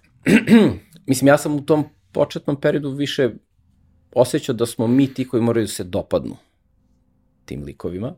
Ovaj, Marko je prvi zaposleni, on je bio na, na, na, na part-time-u i ovaj, on je za, za uspeh mainstreama zaslužen isto koliko i, i Ljubiša i ja, znači tu, on je taj koji je isto dao tog ono znoja krvi i sve to ostalo što se daje u tim ovaj poduhvatima u startu. Um, tako da ti jeste možeš teoretski da biraš. Um, problem je što ti trebaju ljudi koji znaju svašta. Um, deo tog posla je svaštariš, ti moraš da znaš i networking, i baze, i servise, i HTML, i PHP, i ne znam, nastajali su i, i drugi neki jezici u tom trenutku. Ti moraš od svega da znaš pomalo i moraš da možeš da se snađeš u, što rekli, možda nemam da programiram, mogu da pročitam i da promenim svaki da čačne. Mogu da tako da, čačne. da to je dosta specifično, takvih ljudi nema puno, ovaj, ali ono što je posebno tu bitno jeste da, da, da, da su to ljudi koji veruju u tu istu priču koju veruješ i ti. I to je verovatno najlepše u tom početnom periodu. Svaka takva uspešna firma na trenutku postane firma. I to onda postane neki biznis. I sad ne znači da ne postoje neki mali centri entuzijazmi da se oni sad uh, šetaju i da postaju neke nove stvari i tako dalje, ali odjednom to postoje sistem. Jel, firma kad ima već više od, ne znam, desetak ljudi, tu mora postoje neke organizacioni elementi koji neminovno umanjuju taj element entuzijazma, element tog... Kreativno o, ludilo. Taj oruk, to što ti reča tvrdiš da, da ovaj, nisi ti izmislio to što ne možeš se uradi za noć, ne možeš se uradi. Ne možeš Radović. Ovaj, znači, kad ti uđeš u to, te probleme koji ne mogu se reše za jednu noć fokusiranog rada u, u nekom potpunom ludilu, to je onda biznis. I to je onda nešto drugo. To je druga, druga, druga stvar. To nije taj mainstream iz, iz početka i to nije čak ni nešto nužno loše ili dobro, to je jednostavno neki evolutivni put od tog poduhvata do kompanije, firme. E, jedna stvar koju, koju bih isto volao da, da dotaknemo, zato što mislim da, da je jako važna, a sećam se nekih iskustava sa tim, um, ti si želeo da hardware bude najbolji mogući. E sad, mi opet pričamo o nečemu što je cutting edge tehnologija gde to što je najbolje moguće po specifikacijama ne znači da će u realnim uslovima eksploatacije da se pokaže kao pouzdano i tako dalje. Imaš neke dobre prakse na koje se naslanjaš, ali e, u tom trenutku kada se već toliko dižu zahtevi za performansama od svega što dobiješ, ovaj, to što je najbolji hardware nije garancija da će to zapravo sve da funkcioniše kako treba a ti nisi u, u poziciji da kupiš šest rešenja pa da se igraš da vidiš šta će najbolje da radi, ovo ostalo nije bitno.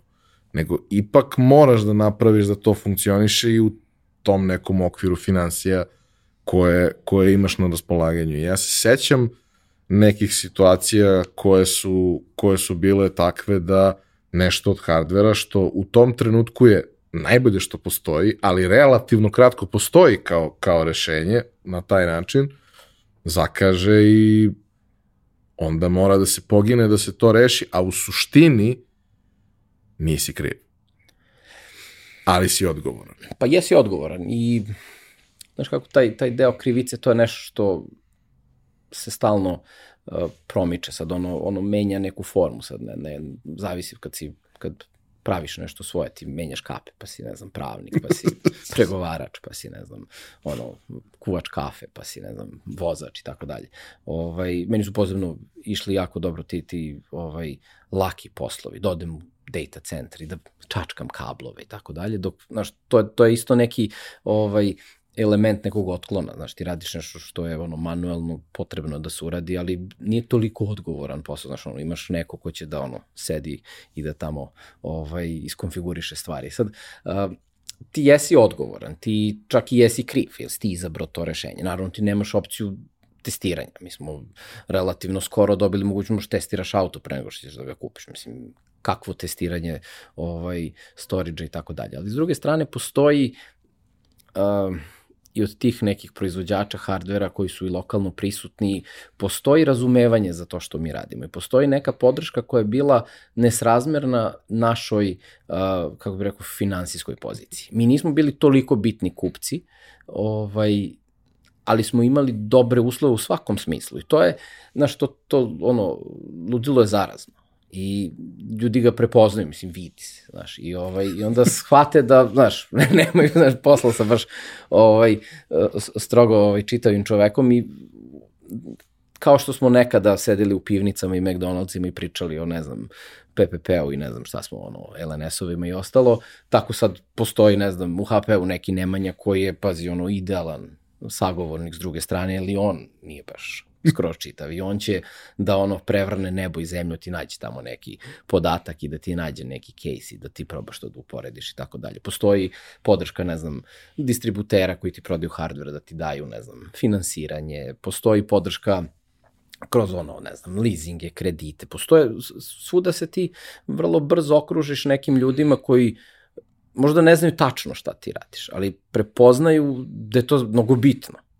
Mislim, banka koja nas u početku ovaj, podržavala, ne znam na osnovu čega, ti nemaš ništa, a oni ti daju kredit da ti kupiš opremu. Mislim, taj prvi ugovor koji smo potpisali, recimo da bio na 27.000 evra. Mislim, Ljubiša, ja smo se dosta tresli oko potpisivanja toga, to je u tom trenutku bilo enormno mnogo para, ali tamo neko s druge strane rekao, u, odvojite su baš dosta, onako, čaknuta i imaju šanse, pazi, imaju šanse, neko to vidi s druge strane, kaže, pa ja ću preuzem taj rizik da ova dvojica možda znaju o čemu pričaju. I u tom nekom kontekstu ti probavaš, sad kako raste sistem, rastu i ono, skalira se ovaj, nivo problema, uh, imali smo puno elemenata kada je nešto otkazalo, da li smo krivi ili nismo, ja uvek težim da kažem da jesmo, jer smo verovatno mogli da predupredimo, ovaj, postoje problemi koji nastaju kao neka posledica ljudske greške, nerazmišljanja, pa kad uđeš u taj neki, kažem, kasniji razvoj, nemanja procedure, sad to što to nikad mene nije mnogo ložilo da pišem procedure, što bi trebalo, znaš, nekakav evolutivni put čoveka u tom nekom preduzetništvu jeste ima neko ludilo na početku, ali onda se smiri tokom vremena i sad krene da pravi firmu, a ne da dalje... A dobro, mislim, mislim da, mislim da ljudi koji e, imaju drive da reše problem, razumeju zašto je pisanje dokumentacije dosadno. Ma, nije čak ni stvar, da, ali to je posao, pazi, to je, to je ozbiljan posao. Mislim, ali postoji... taj posao može i neko drugi da uradi, samo mora da postoji taj neko drugi i da mu to bude posao. Jeste, postoji jedan, jedan ovaj, moment, ne sećam se koja godina bila, mislim, sećam se, ali nije ni bitno, kada 80%, sa, kada je, kako bih rekao, diagnoze glasila srpski internet ne radi. Zapravo, srpski internet je radio savršeno normalno samo što deo sajtova koji su bili hostovani kod nas, koji su eto činili 80%. Mislim da je statistika u top, recimo 15 20 bilo još ono, još, da to nije bilo 60%, nego smo bilo 85%. Ovaj, to jeste bio, kako bih rekao, bug, ali bug koji je srušio sve. I to, to su bili o, ovaj, situacije kada ti, ti osjećaš taj, taj teret jel tebi zvone telefoni, svašta ti nešto govori, imaš, ti imaš potrebu za nekim, kako kažu, kriznim PR-om. Znaš, ti moraš da objasniš tom internet community šta se dešava, zašto ne rade ti sajtu. Imaš biznisi koji ozbiljno pate zbog toga, znaš. Ovaj, a ti si u data centru i on što bi rekli, čupaš kose. Brzo kreneš da čupaš kablove pa rešiš problem, ali ovaj, a, postoji taj, taj, taj moment a, kad ti u jednom trenutku shvatiš da si prešao neku, neki, neki nivo i da moraš od toga da ideš ono korak dalje. Sad, problem je što taj korak dalje nije mali, on je ogroman. To je ono korak. Podrazumeva da izgradiš strukturu na ovom strukturu, prvom koraku. Strukturu, ljudi, management i tako dalje. I mainstream, jako nisam u, u mainstreamu već nekoliko godina, onako imam utisak da uspešno prelazi taj korak i da traži neki svoj put u ovom sad potpuno izmenjenom tehnološko poslovnom okruženju u odnosu na rane početke, početke pre 14. godina. Ono što je meni tu fascinantno, jer mi sada pričamo o periodu od više od 30 godina, je ta tvoja potreba i želja da ostaneš na ivici žileta onoga što se dešava, odnosno praćenje svega toga novog i potreba da ne samo da si čuo video, da možda pričaš o tome, nego da sve ono što ti je moguće vidiš, probaš, iskusiš, ne bi li onda tu praksu mogao da, da implementiraš, pričam striktno o tehnologiji, jer to je ono što, što je tebe uvek najviše ložilo. Mislim, pričali smo nekoliko puta o svemu tome, jednostavno ono, odnos koji smo mi imali prema, prema hardveru nikada verovatno ni jedna naredna generacija neće imati, jer hardver je sad postao relativno nebitan, debrendiran i sve ostalo, ali nama je to sve bilo magično. Mi sad imamo situaciju da će ono, automobili da dele sve isto i samo će staviti drugu školjku preko. Meni je to užasno. Ali okej, okay, razumem ja kako ide ovaj regresija ka medijani. sve u redu. Ali taj moment gde stvari se neminovno razvijaju i kako ima jedna zajednička nit kroz ovo sve što si pričao do sad, to je taj eksponencijalni razvoj koji se dešava, koji je jako teško ispratiti, naročito kada radiš redovan posao, koga ima mnogo i ima ga sve više. Kako ti uspevaš da ostaneš ono, posvećen dovoljno tome, mislim, došli su ono i porodica, godine, sve ostalo, a moraš da ostaneš u toku, jer vrlo brzo to pobegne toliko da ne možeš da ga stigneš. Što rekli, gdje me nađe, znaš, ta, ta, ta priča o relevantnosti, a, jel sa 30 godina jeste i više, u mom slučaju više, jel meni je nešto što je bio hobi, postala moja profesija i hobi drugi nikad nisam imao, znači ti radiš posao koji ti je hobi, pa ga onda radiš 24 sata, mislim, jel, nemaš, nemaš, ne, nemaš neku drugu zanimljivu, ja nisam išao na pecanje, ne znam, ne, ne gledam toliko sport da bi sad nešto, ni ne igram neki sport što se dosta vidi. Ovaj, a, tako da, da, da sve što sam ja imao je ta neka tehnologija i sad od nekog početnog perioda sam ja bio ja mali dosadni klinac koji je smaro sve žive i imao ekstremno mnogo sreće u tome da su se pojavljivali neki ljudi koji su me možda su oni to radili nesvesno, ja ne znam, ali uh, usmeravali na pravu stranu ili mi omogućavali da se, kako kažem, ono, odbijem od njih i da, i da nastavim ovaj, tamo negde. Ne znam, to neko društvo koje je, kako bi rekla, ono, uposlovno dobro društvo, rekao sam na početku, koje me prihvatilo takvo kakav sam, ili ja, znaš, ono, kad gledaš iz perspektive ovaj, te moje ekipe u, u gimnazijsko doba, oni ne znaju šta ja to radim ali, znaš, ono, nisam škartiran kao tamo neki 2.33, nego, znaš, bivam prihvaćen i vrlo podržan, u, da kažem, od tada i, i nadalje.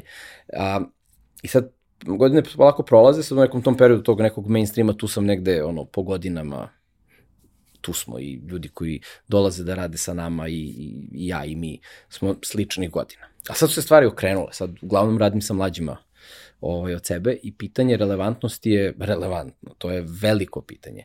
A, ne samo iz perspektive kako ti pratiš tehnološki, ili tehnologija se ne menja baš toliko puno da ti ne možeš da razumeš koncepte. Ali uh, ta ne, taj neki eksponencijalni razvoj primene tehnologije je stravičan. To sad postoje alati za sve. Ti sad ako ne znaš tamo neki ABC alat, ti si kao pš, potpuna si dvojka. Uh, s druge strane, u nekoj diskusiji koja je ono više, kako bih rekao, tehnološka, ti možeš da pariraš jer ti znaš i kako je bilo i koje su ograničenja i tako dalje. Ostati relevantno ono što mene prati kao u trenutnom, trenutnoj fazi karijere jeste gde sam ja. I to je nešto, ja nemam odgovor na to pitanje, znači, to je ako je sad cilj diskusija, dam neki ono, recept i to ne, ne znam, možda za jedno 3-4 godine da se mi sretnemo ponovo, da da, da ću rešiti taj, taj problem, je prvo da li se ja bavim tehnologijom mene to i dalje loži. Ja se najbolje, najbolje se osjećam kad ja uvatim nešto pa sam isprogramiram, ne znam, napravim neki model u Excelu, znaš.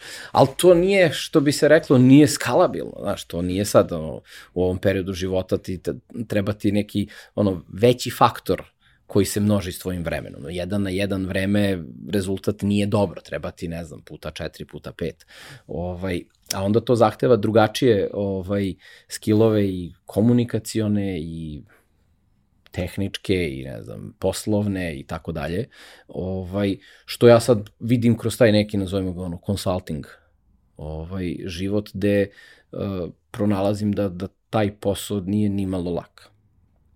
Mislim da je uh, kao konsultant u tom nekom blisko tehnološkom smislu, ovaj, stvarno dati neku vrednost, da tamo ta druga strana kaže, bo, ovaj, stvarno mi je rešio nešto, uh, je dosta teško.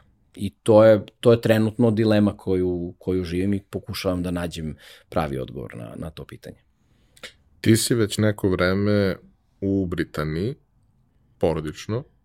Um, kako si otišao tamo, kako si ošto odlučio na taj korak, odnosno promenu na neki način karijere. Možda ne promenu karijere, ali promenu ugla gledanja na, na, na, na karijeru. I šta ti je donelo to što ti si tamo otišao i prvo vreme si prolazio studije? Pa jeste, moja, recimo, sad pogrešit ću, ali postoji jedna nova godina, znači ovo neko doba kada snijemo, ovaj, 2000, čini mi se 15 na 16 ili 16 na 17. Ovaj, uh, 15 na 16 će pre biti. Kada ja otkrivam nekako, kako bih rekao, ono, edukaciju kao nešto što počinje da me interesuje. Jer ja sam u principu celo to formalno školovanje preskočio. Ja sam bio u, u gimnaziji, završio sam je, hvala Bogu, ali nisam ja mnogo bavio time. Ovaj, upisao sam ETF, kad je došlo vreme se upisao ETF, radio sam u Račkom centru, ali studijama se nisam bavio. Uh, tako da sam u formalnom smislu uh, uvek osjećao neki kao, eto, nedostatak. Jer postoji taj makar kod mene, uh, element kad ti preskačeš te korake o kojima sam pričao, postoji neka kako bih rekao, neka zebnja da iako sam ja stigo da ja mislim da treba da budem, da sam ja možda nešto preskočio, taj, znaš, taj, možda tu između bilo još nešto što je mnogo bitno i tako dalje. S druge strane, u, počeo sam da se bavim nekom edukacijom kad su financije u pitanju, što je došlo krajnje ono oportunistički. Počeli smo priče s bankarima, fondovima, investitorima i odjednom su to ovaj, diskusije u kojima se ja ne snalazim. Ja ne znam šta su EBID i tamo razne neke skraćenici, zašto je ovo ovako i zašto je ono onako.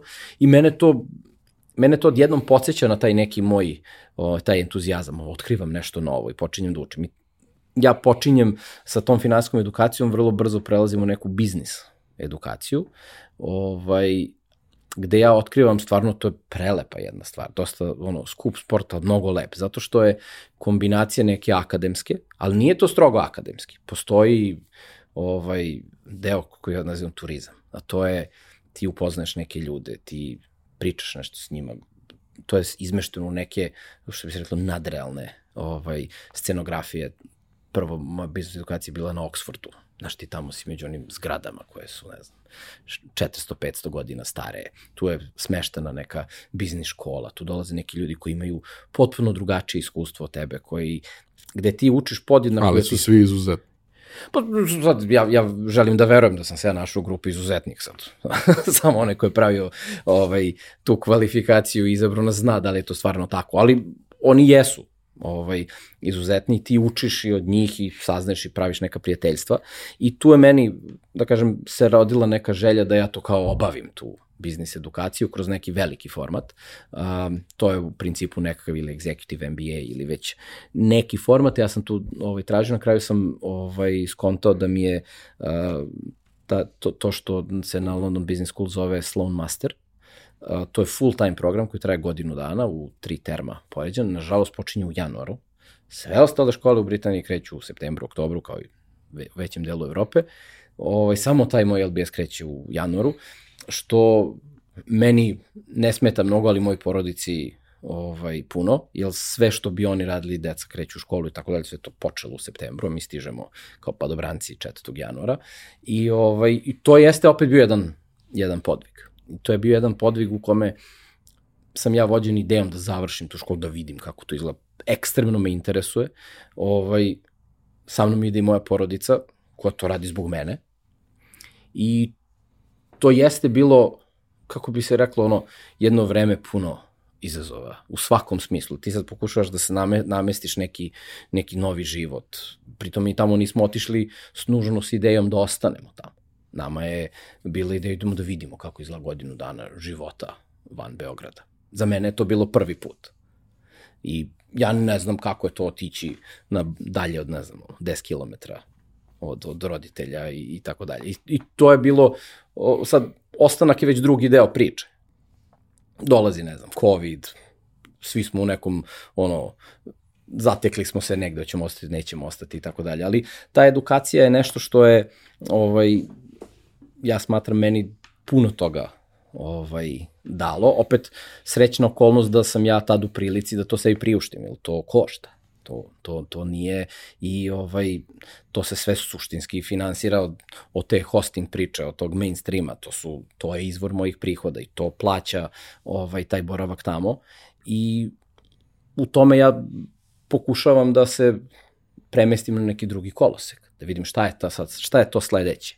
Uh, preduzetništvo verovatno nije ono što mene suštinski pokreće. I to je jedna velika istina koju sam ja spoznao, da ja imam taj element, mogu da se bavim tim, ali nije to što je moj pokretač, nije kreiranje novog biznisa, neko nešto je drugo. Uh, I trenutno se tražim kroz consulting u relativno sličnim okruženjima tih nekih ono servis provajdera ovaj, gde je potrebna neka kombinacija a, tehnologije i tehnike uz nekakav ono business consulting često i nekakav finansijski moment, pogled na, na to sve i to su neke kombinacije koje nisu, nisu česte, ali eto, za sad uspevam nekako da nađem neko mesto pod suncem.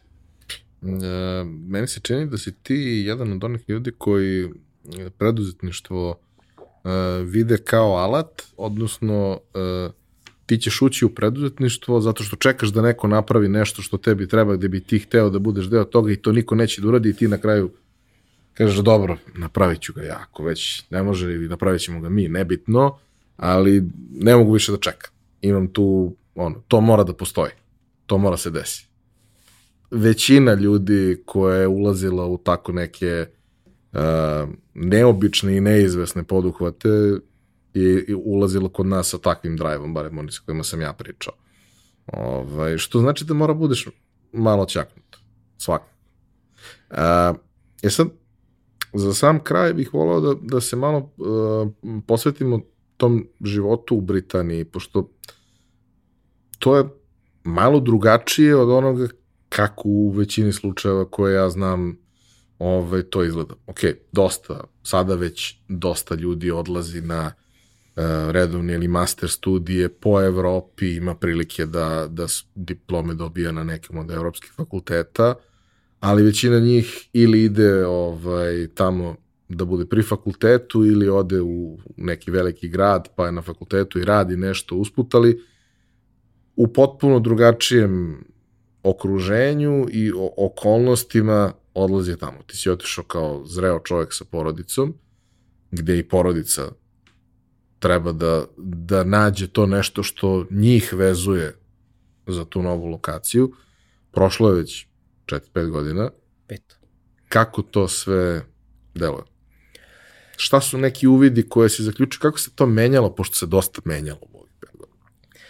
Pa, znaš kako tu postoje mnogi uh, elementi. Sad, kad povežem to sa, sa tim nekim našim ranim nastojanjima tog približavanja Beograda svetu i Linux festovi, cel taj neki, kako bih rekao, ono, ne strogo tehnički angažman, ali, ali taj neki angažman u stavljen te neke društvene okolnosti i vođen tim nekim društvenim okolnostima i to je meni uvek bilo bitno. Ja neko sam uvek bio političan u tom smislu da razumem trenutak.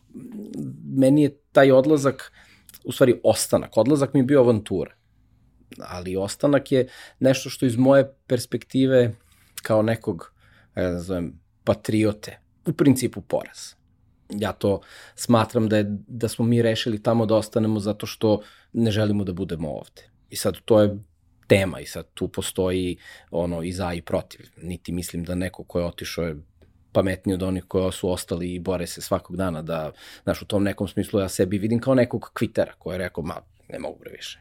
Uh, s druge strane, postoji ta neka motivacija, ono, deca i razmišljanja o, o deci i nekog naše, kako bi rekao, uvida da je za njih bolje da ostanu tamo. Znači, naša odluka da odemo je bila dosta jednostavna jer mi nismo otišli da ostanemo. Mi smo da ostanemo rešili usput. I to dosta ovaj, haotično. Došao je COVID, da me viza uisticala, da li ćemo ostati ili nećemo. Pa, pa hajde, pa možda je bolje ipak da ostanemo još malo. Financije su problem, kako ćemo rešiti ovo, kako ćemo rešiti ono. I tako, to je sad neki, neki period nekog suludo reći beznađa, zato što postoje ljudi koji su u stvarnom beznađu. Mi smo u svakom trenutku mogli da se vratimo kući. Ovaj, I to je, to je lepo, ti imaš neku bazu koja te tu čekate. Ovaj, čekate da se završe te tvoje ono, plovidbe po sinje moru. Ali imamo uh, mogućnost da, da, da kažemo, ok, možda za decu bolje da, da mi ostanemo. I to je neki, kako bi rekao, ono, light motiv našeg ostanka tamo. Ovaj, što se tiče uh, posla, posebno u mom slučaju, više lokacija prestala da bude ovaj, toliko bitna. Meni i dalje postoji ovaj, velika želja da sarađujem i da radim sa, sa ljudima odavde, zato što su to ljudi koje razumem. To su ljudi s kojima uh, najbolje dolazim do nekih, kako bih rekao, ono, saglasja i do nekih rezultata koji su, koji su, koji su dobri. I u tom nekom kulturološkom smislu odlazak u Britaniju je veliki šok. Mislim, to je, oni su ostravo, prevashodno, i to, ovaj, pritom mi opet tamo živim u Londonu, što nije Britanija. To, to, to je, Britanija takođe, kao i, i veći deo Evrope, prolazi kroz jedan vrlo ne, nezgodan uh, period navikavanja na ovu novu društvenu ono, geopolitičku situaciju, to je da sad više nisu samo Srbi u Srbiji, nisu samo Englezi u Engleskoj i postoji puno mešanja, puno ovaj, imigracije, puno promena i ljudi se svakih promena plaše i to je sad jedan proces koji je tamo, koji tamo onako nezgodan je, ali on, to je Evropa, Evropa prolazi kroz, kroz, kroz taj proces. Uh, što se tiče nekih uh, ono, običaja i kulture, ovaj, to je sve dosta drugačije nego kod nas. U, u, ja sam verovatno od tog nekog prvog prvih godinu dana kad sam ja bio u toj školi, bio sam neko najintegrisaniji u to, posle nekog perioda ispu u familiji neko ko je najmanje integrisan, odnosno ko ima najmanje kontakta. Jer deca idu u školu i pričaju taj njihov BBC engleski, ovaj, ovaj, supruga se snašla u svojoj profesiji koja je dosta drugačije koncipirana nego kod nas, ali ona sad isto integrisana, a ja odjednom sam neko ko kao, ne znam, radim za neke Amere, radim s, ne znam, s Kanadjanima, s Belgijancima i tako dalje. Sad i to se menja, čovjek se ovaj prilagođava u, u svemu tome i nalazi neku, neku, neku nišu. Uh, ne mislim da, da postoji univerzalno rešenje za, za bilo šta. Ne mislim da je um, odluka da se ostane tamo ono, nužno najbolja na svetu. Ono je takva, ima svoje posledice, ima svoje negativne kako bih rekao, negativne strane, to su uglavnom ljudi koje ne viđaš dovoljno često. Ovaj, dolasci u Beograd su uvek haotični, jer ti pokušavaš u nekom relativno malom vremenskom periodu da vidiš ovo, uradiš ovo, dođeš konačno u podcast, ovaj, a opet vremena nije dovoljno. S druge strane, uh, vreme koje mi provodimo van Engleske je veliko, u mogućnosti smo da dođemo u Beograd dosta često. I to je, kako bi rekao, neki... Lepa stvar je što jeste blizu u tom nekom smislu, ali imaš i taj moment koji ja često baš apostrofiram kod, kod naših ljudi koji su u, u dijaspori, ali jesu vezani za ovo. Dok drugi ljudi idu na odmor. Ti dolaziš ovde da ono, pogineš 15 dana da bi postigao sve što si hteo za tih 15 ili 20 dana. I oni se vrate sa odmora, a ti se vratiš sa olimpijskih igara. Jes, mnogo nam je teško, stvarno. Mislim, jeste problem u tom nekom smislu. Ok, London jeste relativno blizu, ovi koji su u Americi ili Australiji su u dosta težoj poziciji što se toga tiče. S druge strane, za razliku od dobrog dela Evrope gde smo sad dobrodošli sa našim pasošem, ovamo postoji taj problem vize, pa ako želiš da ti neko dođe, to je opet peripetija koja može da se završi na jedan ili na drugi način. A, šta se promenilo iz tvog ugla, pošto dovoljno dugo ste tamo, u ovoj celoj situaciji sa Brexitom i promenama koje su došle kao posledica toga? Pa moje lično mišljenje onako švrhli nekvalifikovan. Ne znam ja dovoljno o tome da bi mogao da kažem neki ono, statistički podatak. Ovaj, uh, moj utisak je da je Britanija Brexitom izgubila puno. Mislim da je on kao jedna posledica neke društvene klime bio neizbežan. Mislim da je ta ovaj, ideja da je on bio na klackalici i da on je bio samo u tom trenutku na klackalici. Mislim da je Britanija kao društvo uh, sazrela da izađe iz te Evrope i toga što predstavlja Evropska unija, što oni vide negativne aspekte toga, birokratije, troškova i tako dalje.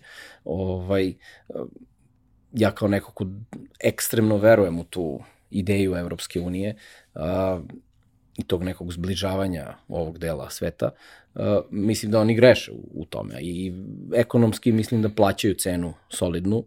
Ovaj, tome mislim da imaju ekstreman problem nedostatka ljudi koji bi radili raznorazne poslove. Uh, u restoranima nema ko da usluži, uh, sve se digitalizuje sa isključivo željom da se minimalizuje učešće ljudi u svim tim procesima, što dovodi do jednog vrlo slabog servisa servis je tamo slab, šta god servis bio, support za mobilnu telefoniju, restoran, ono, gradski prevoz i tako dalje, to nije, nije to to, to je ta digitalizacija tamo trenutno ima isključivo uh, svrhu zamene čoveka a ne boljeg servisa, boljeg nekog iskustva za, za krajnje korisnika. Um, s druge strane, oni imaju ogromnu net migraciju, um, politički oni sad to moraju da kako bi rekli, društvo je nas, se plaši toga i politika sad pokušava da to nekako obuzda, iako posledice toga će biti još gore nego ove što, će, što bi bile posledice Brexita. Tako da onako u nekom ekonomskom smislu mislim da pred Britanijom stoji puno ovaj godina prilagođavanja. I bojim se da ta neka društvena klima koja je kontra nekih integracija, da nije, da nije dobra moje, onako sad, kako bih rekao, ono, pesimističko mišljenje s kojim ne živim svakodnevno, to je ovako kad me pitaš kao analitičara, ovaj, je da, da će stvari morati da odu još malo nizbrdo pre nego što ponovo ovaj, Britanija nađe neku, da kažem, internu snagu da se, da se ovaj, izbori sa svime time.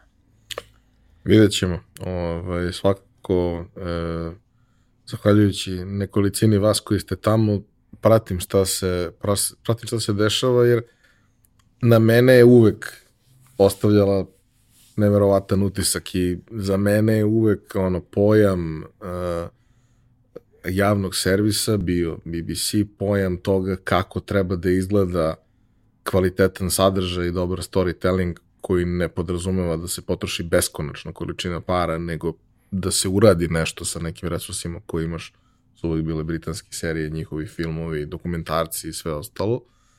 Uh, uvek mi je to bilo nešto što mi je blisko je kao ja sam, kad sam propričao malo ozbiljnije engleski, ja sam dosta često imao britanski akcent, zato što to bila televizija koju sam slušao. Da, pa to ti sad ono, u, u Beogradu deca imaju američki akcent, jer uglavnom gledaju američke YouTube kanale. Ovaj, Britanija je dugo godina bila neki u evropskom smislu, makar s ove strane ovaj, okeana, uh, neki nosilac tehnološkog razvoja. Sve kad pogledamo od 80-ih na ovamo, to je sve dolazilo iz Britanije. Muzika je dolazila iz Britanije, ne znam. Uh, Britanija je imala ovaj veliki upliv i ono kulturu što ti govoriš i mediji i tako dalje. Malo nisam siguran da će to ovaj tako biti i u budućnosti. Mislim da su se u nekom, nekom trenutku malo preigrali sa tim ovaj, sobstvenim ono, procesima i nemanjem internih resursa. Vidjet ćemo. A, u svakom slučaju, jeste da je kasno, slažem se, da je prošlo dosta epizoda, ali mnogo mi je drago što si bio ovdje, što smo ispričali neke od ovih stvari, jer uh, više nije ni ona varijanta da klinci ne znaju šta je bilo. Sad ti klinci bre više nisu deca.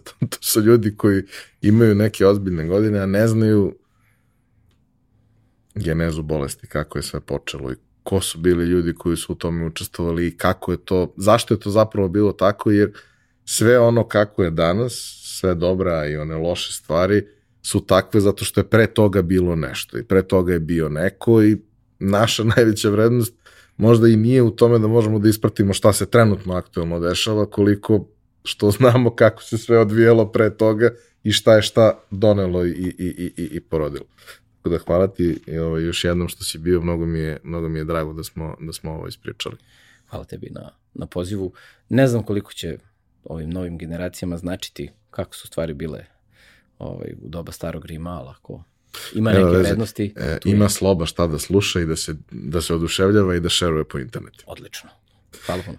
Hvala vam što ste nas slušali, nadam se da vam je bilo interesantno. Um, ako imate neku svoju uh, avanturu i anegdotu iz ovih vremena o kojima smo pričali, podelite u komentarima. Ako ne, razumeću da ste svi mlađi od nas i da smo metozalemi. Ove, to bi bilo to uh, za ovu nedelju. Mi se vidimo ponovo naredni.